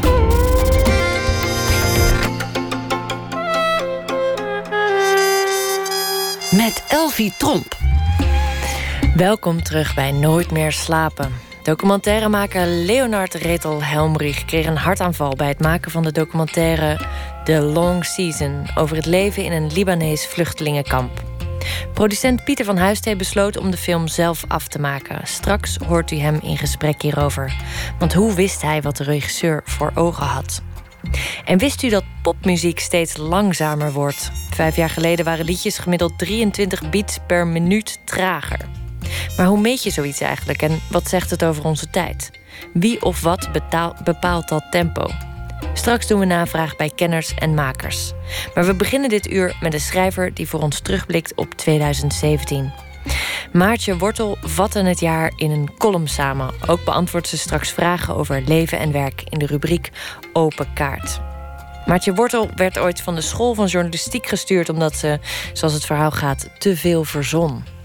Inmiddels heeft ze een prachtig oeuvre bij elkaar geschreven. Na haar debuut Dit is jouw huis uit 2009 volgden de boeken Halfmens, IJstijd, Er moet iets gebeuren. En vorig jaar verscheen het verhaal Goudvissen en beton. Maartje, welkom. Dank je, Elfie. En uh, je kwam van een feestje, begreep ik. Ja, klopt. Ik was derde kerstdag aan het vieren. Dat, en... uh, uh, een vriendin van mij, Marjolein van Heemstra, vierde derde kerstdag in Sociëteit Sexyland. Omdat ze zei, kerst is eigenlijk iets om te vieren met je vrienden. Jezus was ook nooit bij zijn familie, zei ze. Uh, dus het, het is verkeerd dat we eerste en tweede kerstdag verplicht bij onze familie moeten zijn. En daarom had ze een soort alternatief kerstfeest. En dat was nu met vrienden. Daar kom ik vandaan, klopt. En uh, ben jij een uh, familiemens of helemaal niet? Ja, dat ligt er dan weer aan wat je onder familie verstaat. Ik ben wel een gezinsmens, maar ik zie eigenlijk mijn familie nooit. De rest van mijn familie, de broers en zussen van mijn vader of moeder, zie ik nooit. Maar mijn vader en moeder en mijn broer wel veel. Dus ik heb wel kerst met mijn familie gevierd.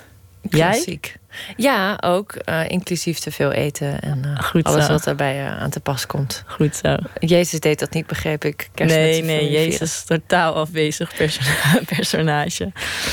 maar goed. Zullen we beginnen met je verhaal dat je over dit afgelopen jaar hebt geschreven? ja, want je zei net dat ik een column zou voorlezen over het afgelopen jaar, maar ik heb een kort verhaaltje geschreven over Oudejaarsavond. Dat ga ik nu voorlezen. Benno zei dat de mens in mogelijkheden moet denken. Je kunt heel makkelijk iets laten, zei hij, daarom doe ik alles. Vervolgens sprak hij in één adem door over een of ander muziekstuk dat ik absoluut moest gaan luisteren. Bij Benno is altijd alles absoluut en overdreven, dus op oudejaarsavond stonden we in een veel te groot appartement met veel te weinig mensen. De drank was op, maar de ijskast stond nog vol met eten. Er was van tevoren niets afgesproken over tijden of maaltijden of de hoeveelheid nieuwe vrienden die we mee mochten nemen. We dachten dat het allemaal wel goed zou komen. Het probleem met ons was dat alles al lang goed was. En dat er niet veel mis kon gaan, behalve dat we voor twaalf uur zonder drank zouden komen te zitten. Verder was een aantal van ons gescheiden. Allemaal betaalden we een te hoog uur voor ons huis. Dat was wat er mis kon gaan. Dat wat er mis kon gaan, was dus misgegaan. Niet alles kwam altijd goed.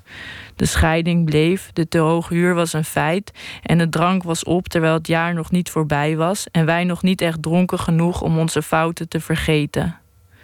Wie niet in staat is om zijn fouten te vergeten, moet doen alsof die fouten niet bestaan. Ze desnoods buiten zichzelf plaatsen. Dat deden we.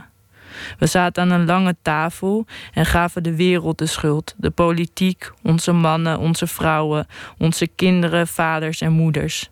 En even later stonden wij op onze sokken met wat sterretjes in de aanslag te wachten tot het ene jaar over zou gaan in het andere en wij dankzij het verglijden van de tijd alsnog nieuwe kansen zouden krijgen. Alles wat verkeerd was gegaan kon goed komen, opnieuw goed komen. Ik stond naast een van mijn vrienden en voelde me eenzaam, zo op mijn sokken met een sterretje in mijn hand. Maar ik lachte en we keken van achter het raam naar de lucht tot het echte vuurwerk los zou barsten. Er gebeurde niets. We stonden er maar te kijken en te wachten, te wachten en te kijken. Tot een van ons op de klok keek en we zonder het te merken in een nieuw jaar waren aanbeland. We schrokken van de geruisloze overgang dat niets of niemand ons van buiten had gewaarschuwd voor dit nieuwe jaar. Vooral zagen wij in alles een teken. Als het ene jaar zo makkelijk en ongemerkt kon overglijden in het volgende, dan moest dat toch iets zeggen over het leven. We probeerden geluid te maken. We probeerden van ons te laten horen. We begonnen elkaar te feliciteren. We wensten elkaar geluk. Iemand trok zijn schoenen aan om de straat op te gaan. En toen barstte er plotseling alsnog vuurwerk los. Als een schok, een aanslag, een bom. Onze klokken liepen voor en zo liepen wij altijd achter.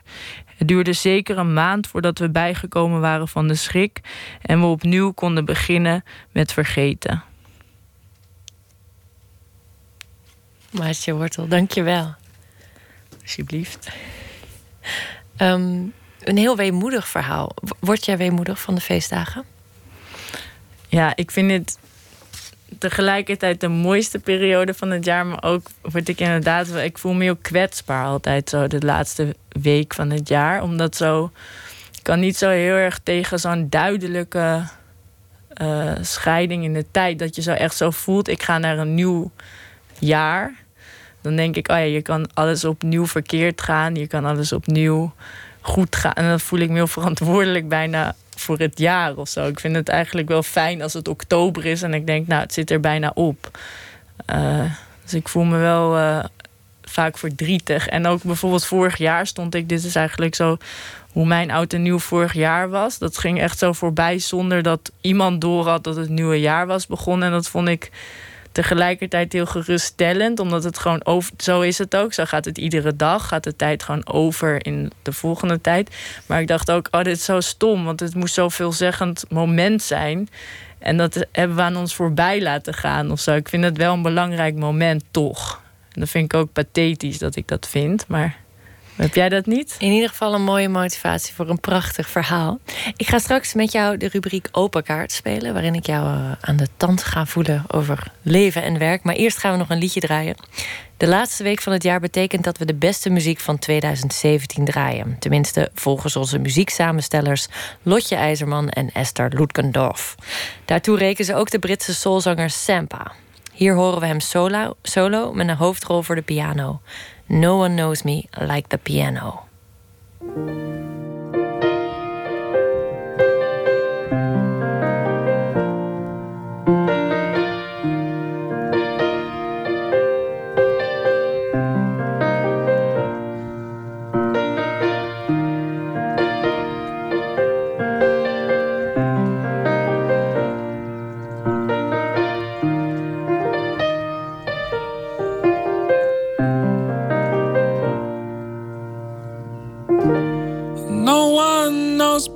Like the piano in my mother's home.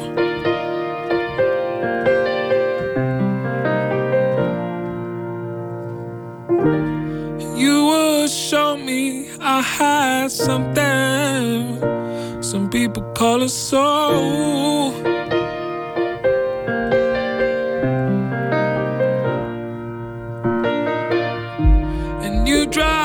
Top the sky. Oh, you arrived when I was three years old.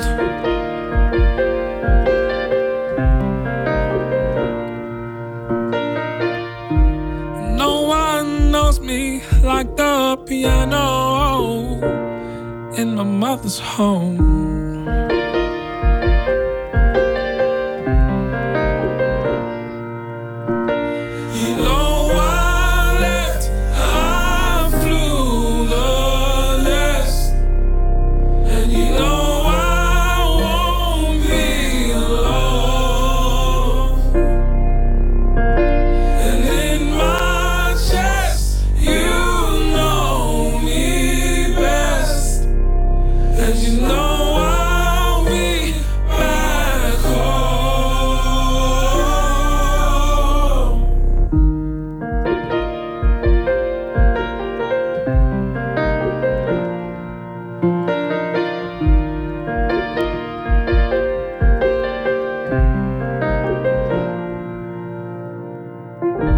An angel by her side, oh, all the times I knew we couldn't cope.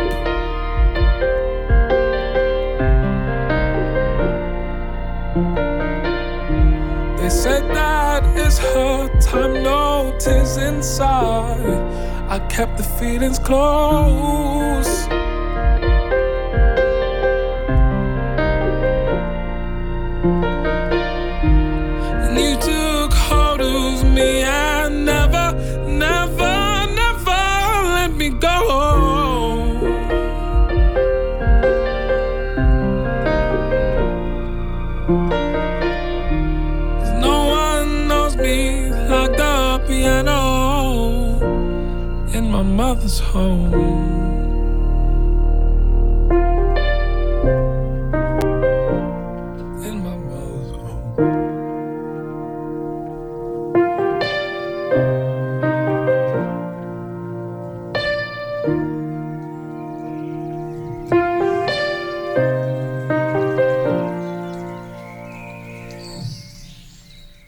Dat was Sampa met het nummer No One Knows Me Like the Piano. En dit nummer is terug te vinden op het in februari verschenen album Process.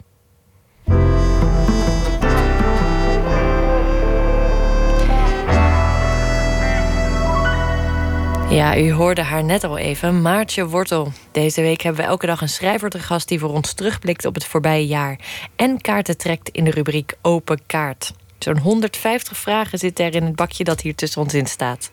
Met vragen over werk en leven. Ze schrijft momenteel aan een nieuwe roman, maar dat betekent overigens niet dat ze zich opsluit en onzichtbaar is. Het afgelopen jaar schreef ze verschillende korte verhalen, waaronder een ode aan Jan Wolkers, die dit jaar tien jaar geleden overleed. Wortel ontdekte Wolkers op haar twaalfde en de verliefdheid, zoals ze zelf zegt, is nooit meer overgegaan. Klopt, ja. Ik ben nog steeds hartstochtelijk verliefd op die man. Ja. Op een dode man, wel. Maar prima. Is dat de enige man waar je ooit verliefd op bent geweest? Ja, dat staat in een van mijn verhalen. Dus dat is een goede vraag van je. Maar nee, dat is niet de enige man waar ik ooit verliefd op ben geweest. Ik ben wel vaker op mannen verliefd geweest. Maar dat is wel een ander soort verliefdheid dan op vrouwen. Maar misschien moet ik hier dan heel diep op ingaan en hebben we daar geen tijd voor. Dus het antwoord is ja, ik ben wel vaker verliefd geweest op mannen. Ja, want je kijkt een beetje op tegen deze rubriek. Heb ik Eh, begrepen? Je ja, ik net- vind het een leuke rubriek, maar het is zo abrupt. Omdat bijvoorbeeld, ik zie nu die eerste vraag in die bak staan. Dat weten de luisteraars niet, maar er staat hier een bak voor me met vragen. En er staat bijvoorbeeld, ben je vatbaar voor verslavingen? Dus je moet ineens een soort van eh, ab- eh, heel ad hoc een een of ander vraag gaan beantwoorden. Waarvan je niet weet wat het is. Maar prima, laten we ervoor gaan. Ik denk dat je gewoon die eerste vraag nu al hebt gekozen. Ben je vatbaar voor verslavingen, maatje wortel? Eh, ja, ik ben zeer verslavingsgevoelig. Eh, ik weet niet wat ik hier verder over moet zeggen. Behalve dat ik mezelf wel probeer te behoeden om, voor die verslaving. Omdat ik weet dat ik zeer verslavingsgevoelig ben. Eh, dus ik heb bijvoorbeeld een hele oude telefoon. Omdat ik weet dat ik anders de hele dag zou gaan facebooken. Of eh, ik leg mezelf wel strenge regels op ook. eh, omdat ik weet dat ik anders altijd eigenlijk net iets te ver ga. Maar je zit wel op Instagram. Klopt, ja. Hoe eh, hou je dat dan binnen te perken? Eerlijk gezegd ben ik daar ook verslaafd aan. ik wou net zeggen, je bent daar redelijk actief op. Ja, ja. Ik, dat, daar schaam ik me een beetje voor. Maar daar ben ik ook verslaafd aan. Dat, uh, ik weet niet of iedereen Instagram kent, maar ik denk het wel. Maar dan kan je gewoon fotootjes bekijken van mensen die je volgt. Meer is het ook niet. Er gebeurt vrij weinig op. Maar ik kan echt de hele dag. Ik denk, ik word soms ook boos als te weinig mensen foto's plaatsen. Omdat ik denk, ik wil nieuwe foto's zien. Zo verslaafd ben ik dan ook wel weer. Ik heb dan steeds wel nieuwe impulsen nodig ook.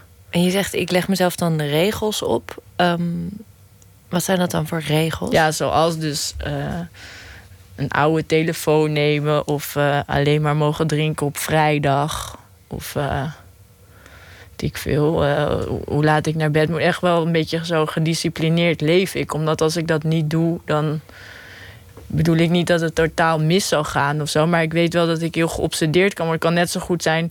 Laat zijn vriendin van mij, jij gaat waarschijnlijk dood aan het drinken van te veel water. Dus het kan net zo goed iets zijn wat gezond is. Maar gewoon dat ik dan denk, oh water, dat wil ik nu. En dan ga ik gewoon de hele dag water drinken. En dan stop ik daar niet mee. Zo. Dus het maakt niet uit wat het is, maar ik wil altijd meer. Ja, maar het is nu niet vrijdag en je drinkt wel een biertje. Is dit nu de glijende schaal in ja, actie? Dit komt door het eind van het jaar. en dat is gewoon zo, daar gelden de regels niet. Tussen kerst en oud en nieuw zijn alle regels.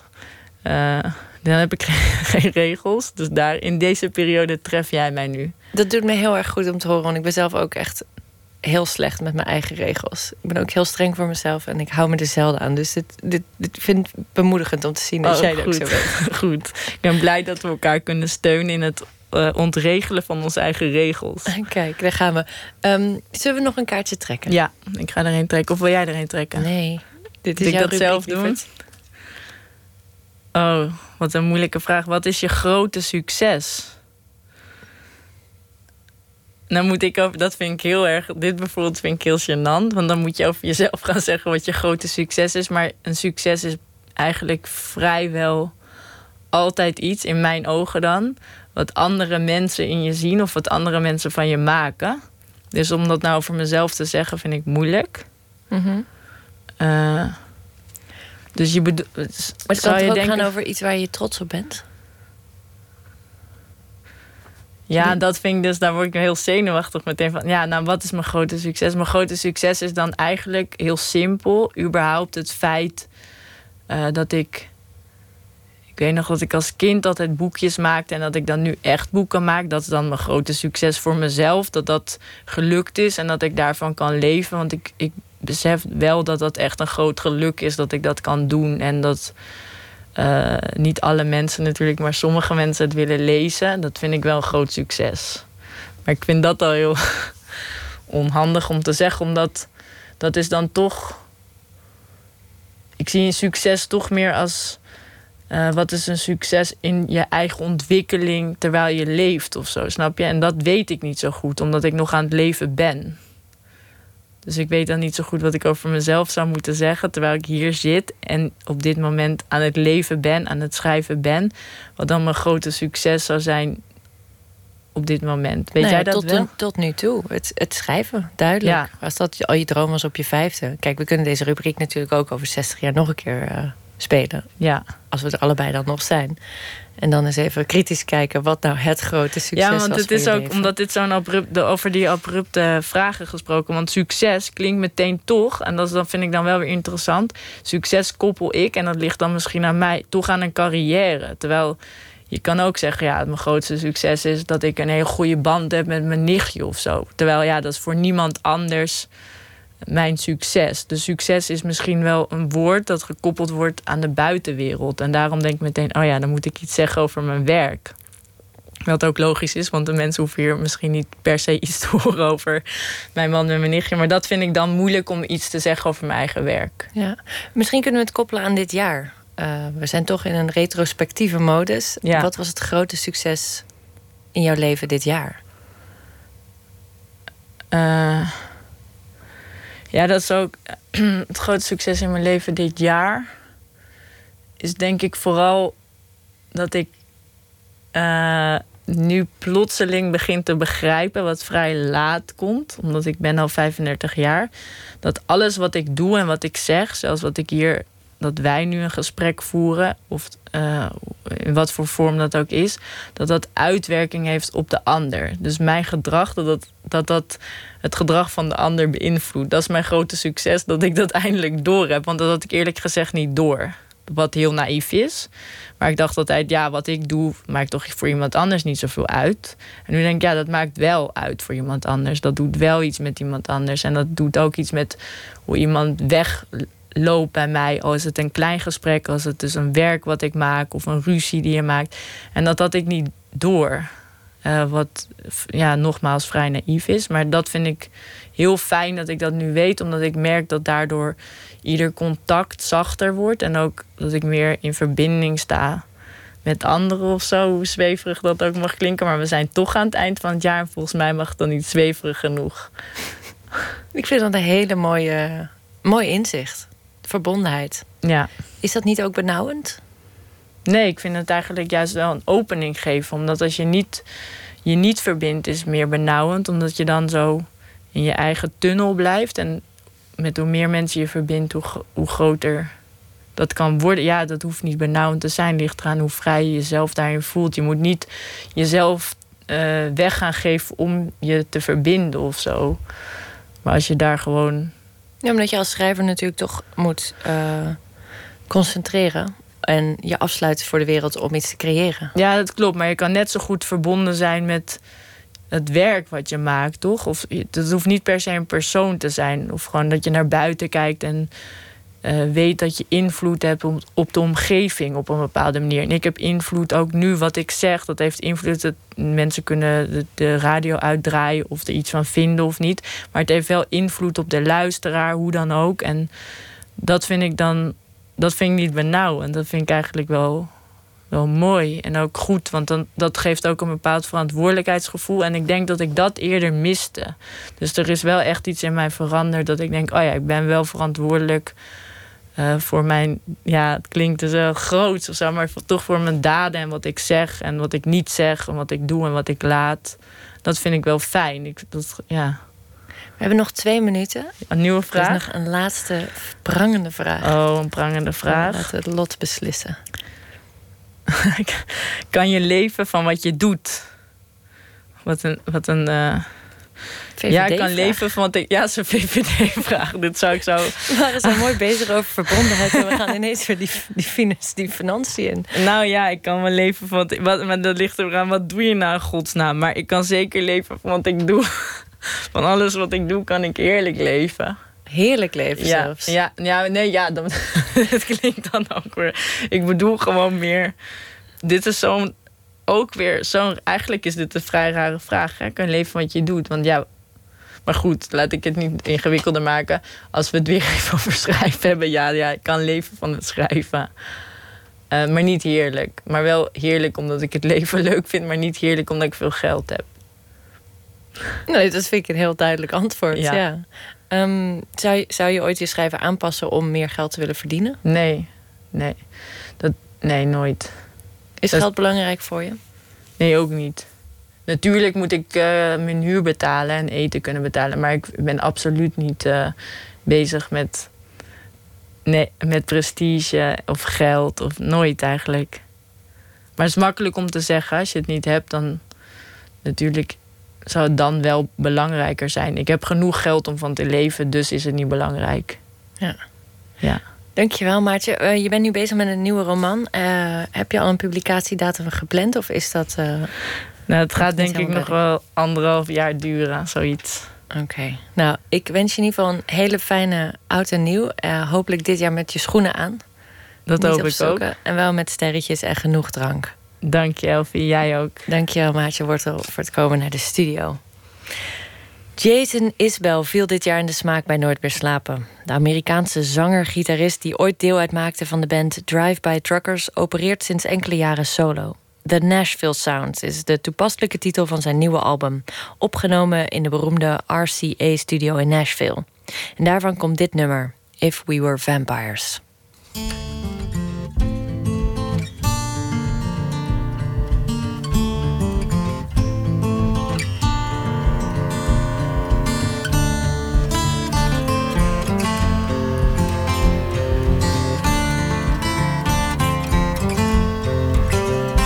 Not the long flowing dress that you're in, or the light coming off of your skin, the fragile heart you protected for so long, or the mercy in your sense of right and wrong. It's not your hand searching slow in the dark, or your nails leaving love's watermark.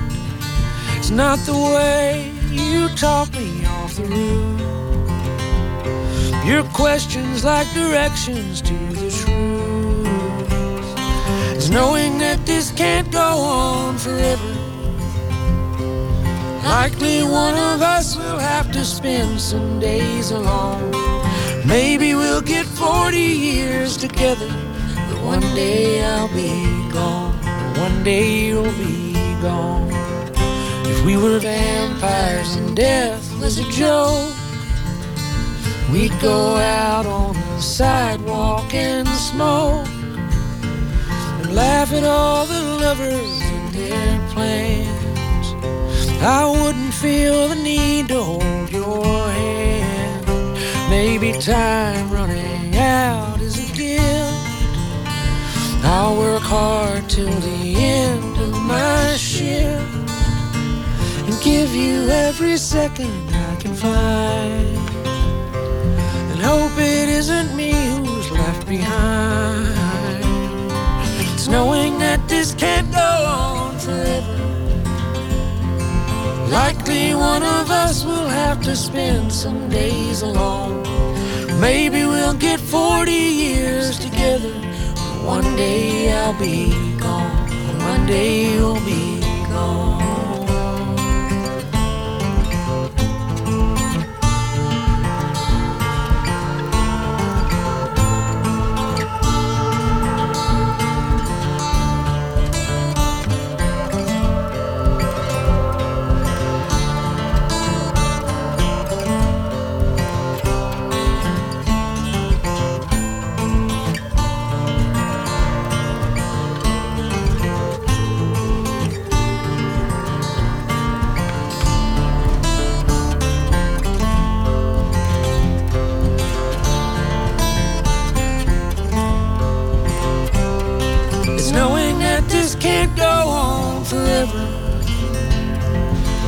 Likely one of us will have to spend some days alone.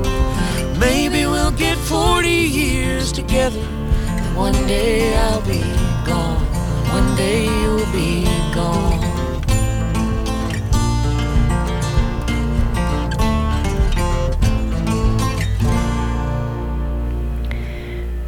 Jason Isbell met hulp van zijn begeleidingsband The 400 Unit met het nummer If We Were Vampires. Nooit meer slapen. Documentairemaker Leonard Retel Helmrich was bezig met de montage van zijn film The Long Season toen hij in Beirut plotseling werd getroffen door een hartstilstand en in een coma raakte. In nauw overleg met de familie besloot producent Pieter van Huistee de film af te maken, samen met cameravrouw Ramaya en Suleiman. Floortje Smit spreekt met Pieter van Huistee over die beslissing. Ik was zelf op vakantie in, eh, een paar dagen in Frankrijk. En eh, werd gebeld door Ramia. Ze waren aan het eh, joggen. Die hebben daar een hele mooie boulevard langs de kust. En hij was daar met zijn vriendin aan het hardlopen. En ehm, dat werd me verteld eigenlijk. En dat hij stil stond en in elkaar zakte.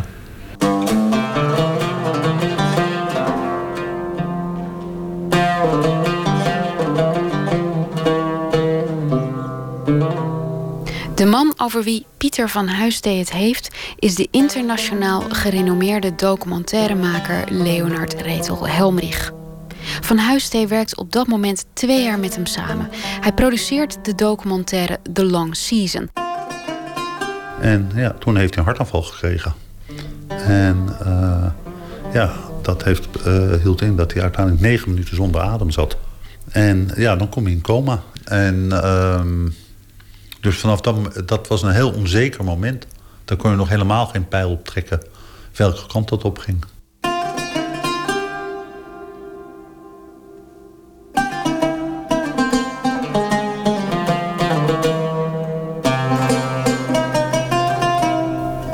Natuurlijk denkt niemand aan de long season op het moment dat Helmrich in elkaar zakt, daar op die boulevard in Beirut. Dat komt pas later, na een maand of twee, als iedereen van de ergste schrik bekomen is.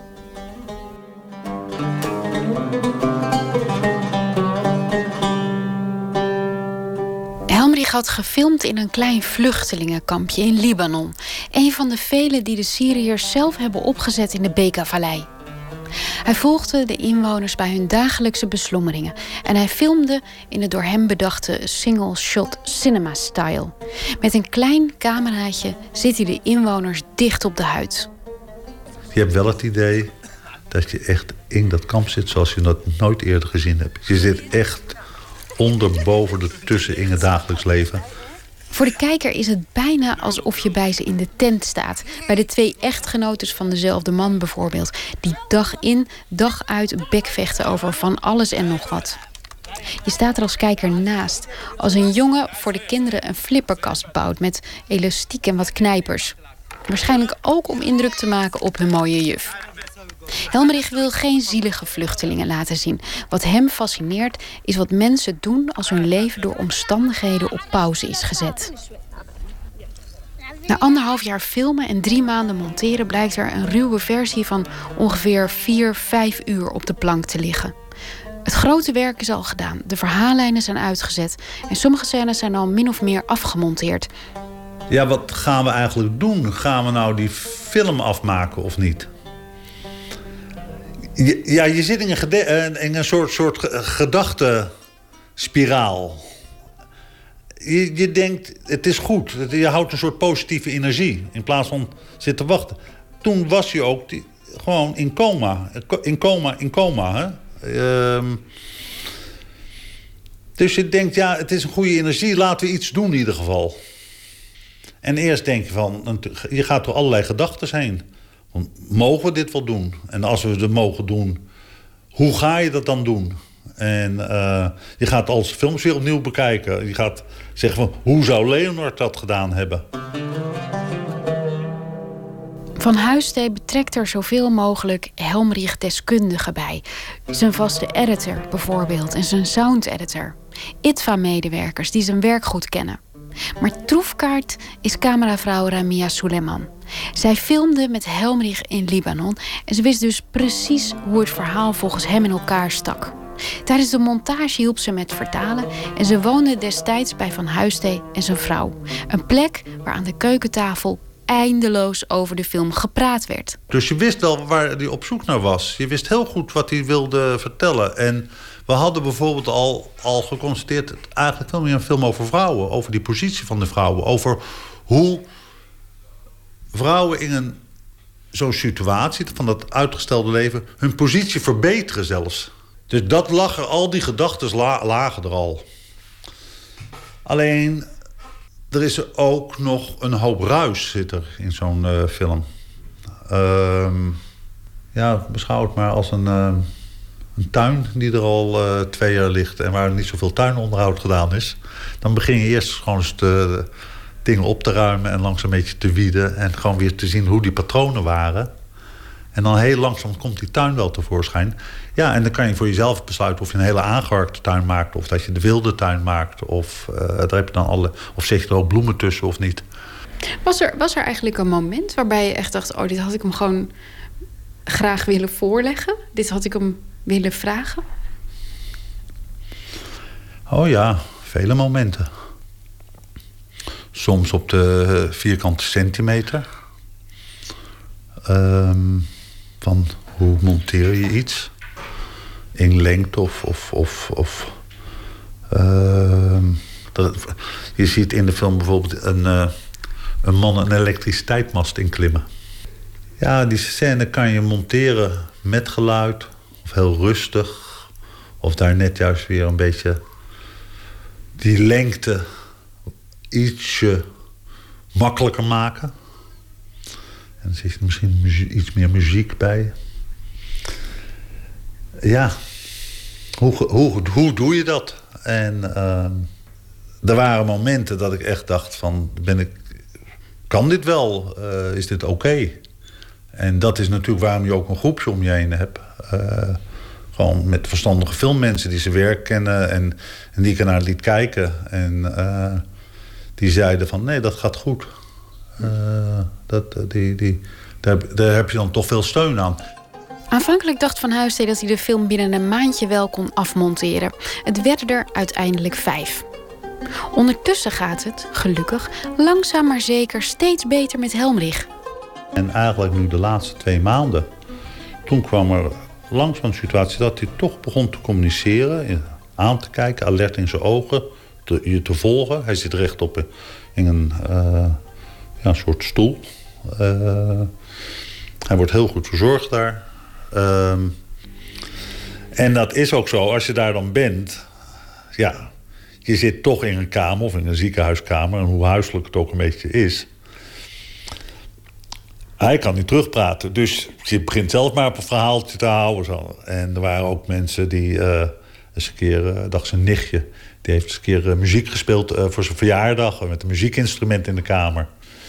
Maar ik zat er ook en ik probeer ontzettend handigheid te krijgen om met mijn telefoon te filmen. Gewoon allerlei manieren te vinden en ook kleine ja, soort handstatiefjes te maken. Eigenlijk de manier waarop hij dan ook draait. En ik dacht, ja, ik wil dat ook gaan beheersen. Dus ik had dat bij me. En hij heeft een beetje een krampachtige hand. Die zo uh, half dichtgeklemd is. Dus ik, zat hem dat zo uit te leggen. Kijk, zeg, ik zit wel met mijn telefoon te filmen. En, en toen deed ik dat, zo eigenlijk dat, dat kleine handstatiefje zo in zijn hand. Met die telefoon. En in één keer ging zijn hand zo omhoog. En begon ik te filmen. En nou, we kregen allemaal tranen in ons ogen natuurlijk. Dat, dat, ja, dat, dat is zo. En uh, dus toen zei ik ook tegen zijn zuster Hetty, uh, die hem heel goed ook uh, verzorgt. Ik zeg, nou, volgens mij is het nu tijd dat we, de, dat we hem de film moeten laten zien.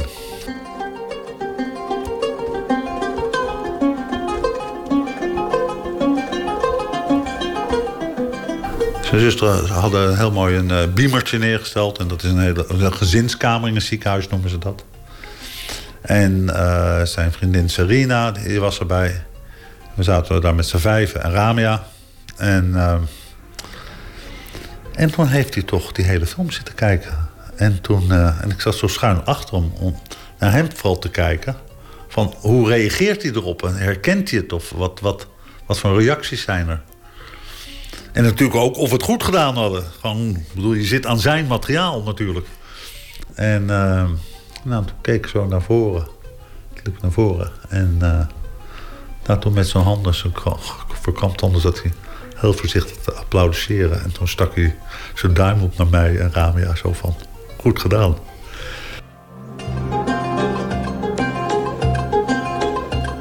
Maar dat was natuurlijk wel heel mooi. En uh, we voelden ons daardoor ook eigenlijk weer veilig. Dat we niet iets van hem afgepikt hadden, weet je. Want het, het, is zijn materiaal, het is zijn film. En dat is ook de eerste credit die er staat. Een film van Leonard Retel Helmrich. Punt uit. Daar is geen misverstand over mogelijk. De documentaire The Long Season is vanaf 28 december in de bioscoop te zien. Leonard Retol Helmich herstelt langzaam maar zeker, maar het kan nog maanden duren voordat hij zich weer sprekend of schrijvend kan uitdrukken. Het Engelse platenlabel Bella Union is vaak vertegenwoordigd in de muzikale jaarlijstjes. Zo werd dit jaar het vijfde album van de Noorse zangeres Susanne Sundfør uitgebracht. Daarvan draaien we Bedtime Story. Because you never meant it when you said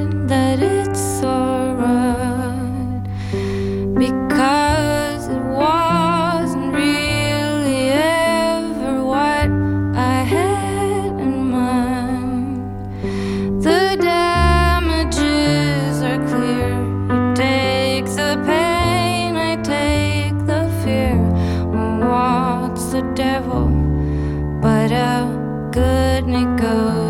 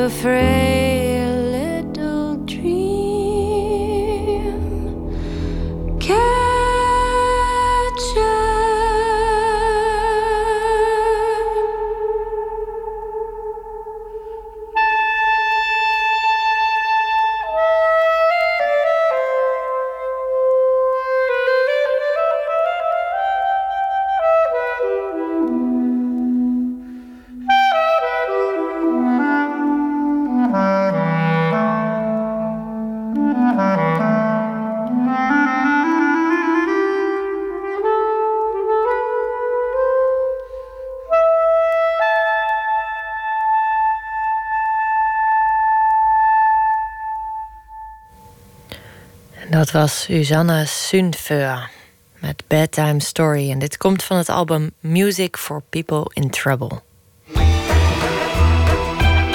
Nooit meer slapen. Wist u dat popmuziek steeds langzamer wordt? Althans, dat wordt beweerd in het muziekblad Rolling Stone. De liedjes in de top 40 zijn in vijf jaar tijd wel 23 beats per minuut trager geworden. Wat is er aan de hand? Wordt de jeugd slomer? Of gebruiken de hitjeschrijvers minder pep? Verslaggever Jan-Paul de Bond probeert het uit te zoeken. Dit is 113 beats per minute. Oftewel 113 tellen per minuut. Dat is ongeveer het tempo van de gemiddelde hit in 2012. Zoals bijvoorbeeld Kelly Clarkson. What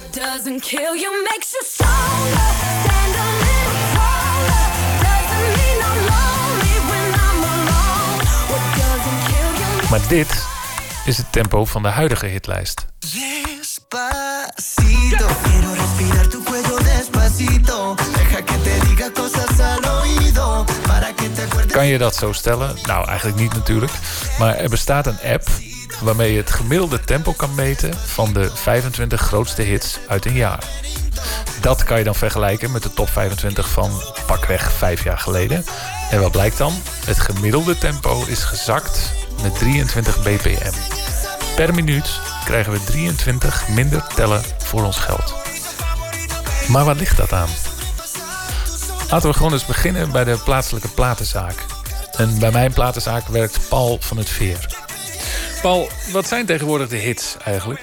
Nou, die Despacito-track eh, die is eh, de hele zomer natuurlijk eh, overal. En ja, veel, veel hip-hop, Lil Kleine, Ronnie Flex, eh, dat soort jongens... die hebben eh, toch wel behoorlijk hun best gedaan deze zomer. Paul verkoopt niet alleen muziek, hij draait zelf ook. Hij organiseert clubavonden. En hij weet meer, vooral van hip-hop, dan hij zelf wil toegeven. Klopt er iets van die stelling dat het allemaal trager is geworden? het lijkt er wel een beetje op. Ja, ik heb, eh, het is gemeten, dus dat, eh, nou, er zal wel een kern van waarheid in zitten. Ja, mij lijkt het ook wel dat het over het algemeen allemaal net iets eh, rustiger is. En, en hip-hop tempo is toch wel leidend eh, eh, vandaag de dag als het gaat om, om, popmuziek. Waar komen toch de meeste invloeden vandaan. Ook uit een beetje de deep house achtergrond. En alle hits zijn eigenlijk gemodelleerd naar één formule. En ja, dat is de hip-hop formule. En de modernere, de, de, de populairdere hip-hop van het moment is ook wel wat trager dan dat die geweest is. Dat is ook een belangrijke oorzaak die wordt genoemd in het Rolling Stone artikel. De toenemende invloed van hip-hop, waardoor pop trager is geworden. Maar, zegt Paul, hip-hop zelf is dus ook nog eens langzamer geworden. En dat is niet iets van de afgelopen vijf jaar. Nou, ik denk dat het eigenlijk al wel langer gaande is. In ieder geval als je kijkt naar de invloed van hip-hop eh, als uitgangspunt. Ja, dat is eigenlijk al wel 15 jaar minimaal aan de gang dat hip-hop trager wordt. Dat de, de zuidelijke Amerikaanse eh, hip-hop heerst in Amerika. En eigenlijk het, in het hele muzikale klimaat. En eh, ja, dat wordt beetje bij beetje opgepikt door de moderne producers. eh, de producers die ook produceren voor de grote namen als Rihanna of Katy Perry of Justin Bieber. En ja, die, die pikken toch wel heel veel invloeden daaruit vandaan. En uit dancehall en Latijnse ritmes. Zeg ik een soort, soort smeltkroes daarvan eh, geworden. En eigenlijk zijn alle hits van nu komen eigenlijk uit die start van die stroming destijds in, in Atlanta, eh, Houston. En dan heb je het over 15 jaar geleden al. Ja, die trend is daar al heel lang aan de gang. Het zit hem dus bij de producers die sterk zijn beïnvloed door hip-hop. Ik spreek met Boeboe. Dat is de artiestennaam van Mosja von Grumkov.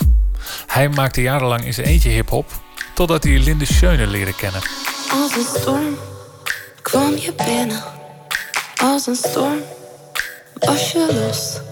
Maar elke storm gaat ooit liggen. Inmiddels zijn Linde Schöne en Mosja, behalve geliefden, ook een succesvolle Nederlandse act geworden. Ik spreek Mosja op hun slaapkamer, achter de laptop. Ik werk eigenlijk het liefst op koptelefoon. En vaak zit ik zelfs gewoon op bed, koptelefoon op. Dat vind ik gewoon het lekkerst. Dan ben ik helemaal in mijn eigen wereld. Dus hier gebeurt het meeste. Gewoon alle beats maak ik hier. Want als jij schrijft, wat bepaalt voor jou eh, het tempo van een, van een track? Oeh, ik denk dat dat vrij impulsief is. Ik heb niet een vaste werkwijze. En ik denk, als ik heel eerlijk ben, dat ik wel het baseer misschien op bepaalde clichés. Dat ik dat als ik, want meestal als ik een nummer maak, dan eh, heb ik iets van een gedachte in mijn hoofd in de trant van, oh dit wordt Motown-achtig of dit wordt housey. En dan heb ik eigenlijk al vrij snel een getal in mijn hoofd wat dat dan ongeveer hoort te zijn. En daar wordt dan vaak gedurende het schrijven van het nummer, wordt daar misschien nog maximaal 5 bpm aan gesleuteld, omhoog of omlaag. Want ben je zelf trager gaan schrijven? Nee, juist, eh, juist sneller voor mijn gevoel. Als ik het puur op getallen baseer, is, is mijn BPM juist omhoog gegaan. Vroeger was ik, zat ik heel erg vast in van oké, ik maak hip-hop en dan is het 90 BPM. Of 100 BPM vond ik al snel, zeg maar. Bij 100 BPM had ik al zoiets van oeh, dit wordt wel snel. Maar ik moet, daar soort van, ik moet ook zeggen dat dat een moeilijke vergelijking is, omdat ik altijd heel erg veel genres heb gemaakt. Ik heb altijd heel bewust overal mijn vingers aan willen branden. Dus ik heb geen idee wat mijn gemiddelde BPM zou zijn als ik het zou berekenen. Maar ik weet wel dat, dat, dat het spectrum heel groot is bij mij. Dus ik kan niet zo goed spreken van een sneller of langzamer zijn geworden. Oké, Marcia is misschien geen voorbeeld van een producer die veel trager is geworden. Maar kan hij iets met die constatering dat het gemiddelde wel omlaag is gegaan? Ik weet niet of ik het zo breed zou willen uitspreken als dat pop in zijn geheel eh, langzamer wordt. Want er zijn nog steeds heel veel uptempo nummers. En eh, ik denk ook nog dat er nog steeds een heel groot deel van het mainstream publiek is die niet snapt hoe ze moeten dansen op halftime muziek. Halftime is. Ja, halftime is eigenlijk. dat- Normaal gesproken heb je. eh, als, je als bijvoorbeeld dit je tempo is. Dan zit normaal gesproken traditioneel zit je snare drum op de tweede en vierde tel. Dan heb je 1, 2, 3, 4. Dat is heel vaak zo geweest. Eh, en halftime, dan heb je de snare op de 3. En dat voelt dus letterlijk alsof je die beat door de helft doet. Dus dan krijg je 1, 2, 3, 4, 1, 2, 3. Dus dat is een soort van letterlijk de helft van het tempo gebruik je om, om je, je, je ritme uit te zetten. En ik denk dat dat super veel invloed heeft. I don't try nobody, grip the trick. Nobody call up the gang and they come and get gang. Cry me a river, give you a tissue. It's bad and bullshit. Niet zozeer het tempo, maar de halftime beat van hip-hop doet zich dus gelden. Er wordt niet zozeer heel langzaam op gerept. Niet altijd. Maar het ritme is eh, een stuk omlaag gegaan. Het werd zelfs nog eens een keer eh, expres vertraagd eh, door bepaalde DJ's om daar een eh, effect uit te krijgen. Ik denk ook wel eh, onder invloed van de heersende drugs op dat moment. Wat was dat dan? Dat was de syrup, zoals ze dat daar noemen. De, ook wel lean genoemd. Eh, het is codeïne. Ja, is eigenlijk verkrijgbaar als hoesdrank. Maar dan hele sterke hoesdrank. En op, op, op, uiteraard op eh, prescriptie. Maar eh ja, is levendige handel daarin. En eigenlijk iedere rapper en, eh, nou, die, die gebruikte dat in die tijd. Maakte daar nummers over. En ja, dat werd eigenlijk de heersende druk. En dat zorgt ervoor dat je behoorlijk eh, in, een, in een wat slomere cocon komt. En ja, ik denk dat dat heel, ook heel erg veel invloed op die muziek heeft gehad. Hoestdrank. Notabene dankzij hoestdrank zitten wij nu, zo'n 15 jaar later... met de vertragende hitlijst. Maar Boeboe beaamt dat. En hij voelt zelfs wel een verband tussen de halftime hip-hop en de codeïne. Zometeen komen de drums in en dan eh, is dat dus een halftime tempo.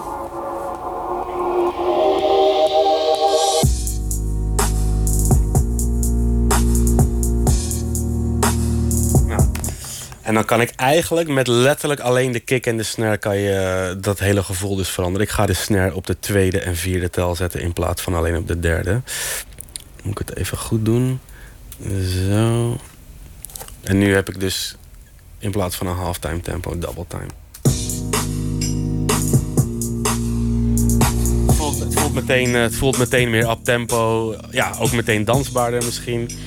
Maar het is gewoon een flink verschil. Ik, ik ga hem nu weer even terugzetten naar de halftime.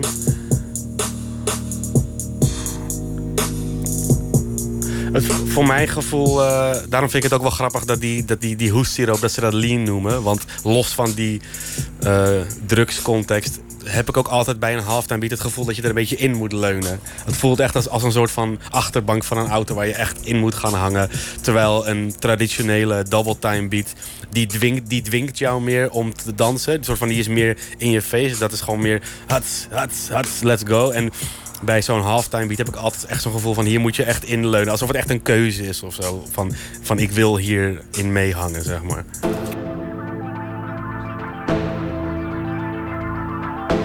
Terug naar dat Rolling Stone artikel. Daarin wordt ook door mensen geopperd dat de vertraging in onze muziek wel eens een weerslag zou kunnen zijn van onze onzekere tijden. En in mijn eigen zoektocht stuitte ik op hele academische studies naar de chill factor in de pop in relatie tot de uitzichtsloze toekomst van de huidige generatie. Maar volgens de twee hiphoppers die ik spreek is dat onzin. Ja, ik, ik- ik geloof dat eigenlijk niet zo. Het is natuurlijk ook zo dat je zou kunnen zeggen... dan willen we juist compleet eh, escapistisch eh, eh, techno en, en hardstyle... en zo ver mogelijk weg van alles zijn. En, ja, en die vijf beats per minute of zo... Die, ik denk niet dat die bepalend zijn voor een, voor een hele sfeer. elke vorm van kunst is absoluut altijd een, een weerspiegeling van, van de maatschappij. Maar ik denk dat we ook niet moeten onderschatten hoeveel meer oppervlakkig muziek geworden is. For better or worse, weet ik niet. En als het aan die invloed van hip-hop ligt, dan zal het zeker niet daardoor komen dat, dat, dat mensen meer trek hebben in sombere of lome dingen. Want het gaat uiteindelijk 90% van, van die subject matter van die tracks is gewoon feest. eh, en, ja, gewoon de bekende hip-hop clichés. eh, overdaad en eh, gewoon lekker gaan. Dus ik, ik denk niet dat er een correlatie is tussen het omlaag gaan van het gemiddelde tempo en, en maatschappelijke trends, denk ik niet. U hoorde een bijdrage van Jan Paul de Bond over de steeds langzamer wordende popmuziek. Poëzie nu van Vicky Franke. Op de Nacht van de Poëzie in Utrecht las ze een paar gedichten voor uit haar debuutbundel Röntgenfotomodel, die bekroond werd met de C. Buddingprijs. De prijs voor het beste poëziedebuut. Vannacht leest ze een titelloos gedicht voor.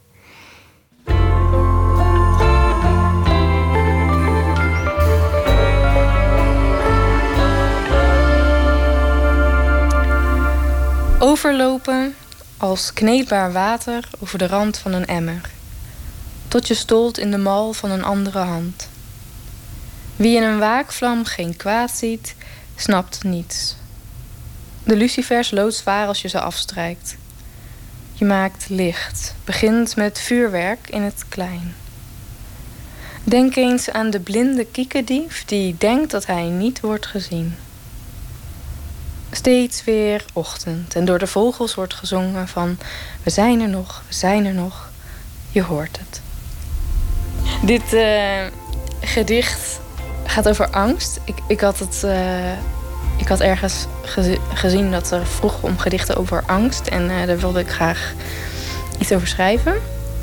Ehm, maar niet zozeer mijn angst, maar meer angst zoals die vandaag de dag toch eigenlijk eh, ja, een soort achtergrond is, bijna, van, van elke dag. Eh, en ja, ik wilde over die ver- verschillende vormen van angst, die heel tastbaar kunnen zijn en soms ook niet tastbaar, omdat je weet, kijk, wat kun je doen om het te ontlopen?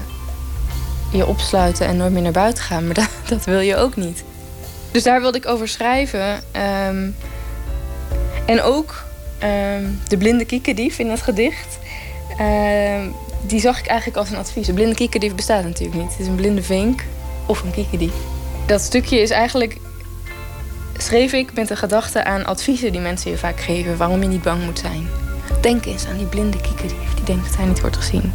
Maar de blinde kiekendief bestaat niet. Dus wat voor advies is het dan eigenlijk nog? Ehm, en het heeft voor mij ook iets weg van, van hoe kinderen leven. Dus als ze hun handen voor hun ogen doen, dan zijn ze er zelf niet meer, denken ze. Dan zijn ze verstopt. Omdat zij de wereld niet zien, ziet de wereld hen ook niet. Overlopen als kneedbaar water over de rand van een emmer. Tot je stolt in de mal van een andere hand. Wie in een waakvlam geen kwaad ziet, snapt niets. De lucifers loodzwaar als je ze afstrijkt. Je maakt licht, begint met vuurwerk in het klein. Denk eens aan de blinde kiekendief die denkt dat hij niet wordt gezien. Steeds weer ochtend en door de vogels wordt gezongen van we zijn er nog, we zijn er nog, je hoort het.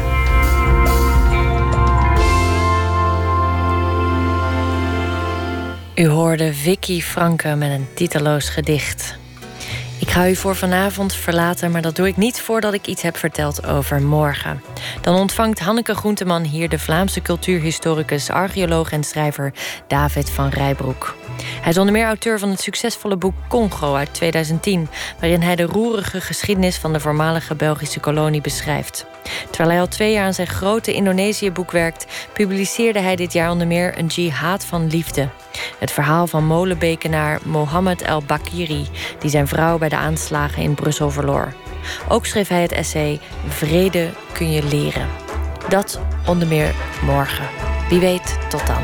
Tot nooit meer slapen.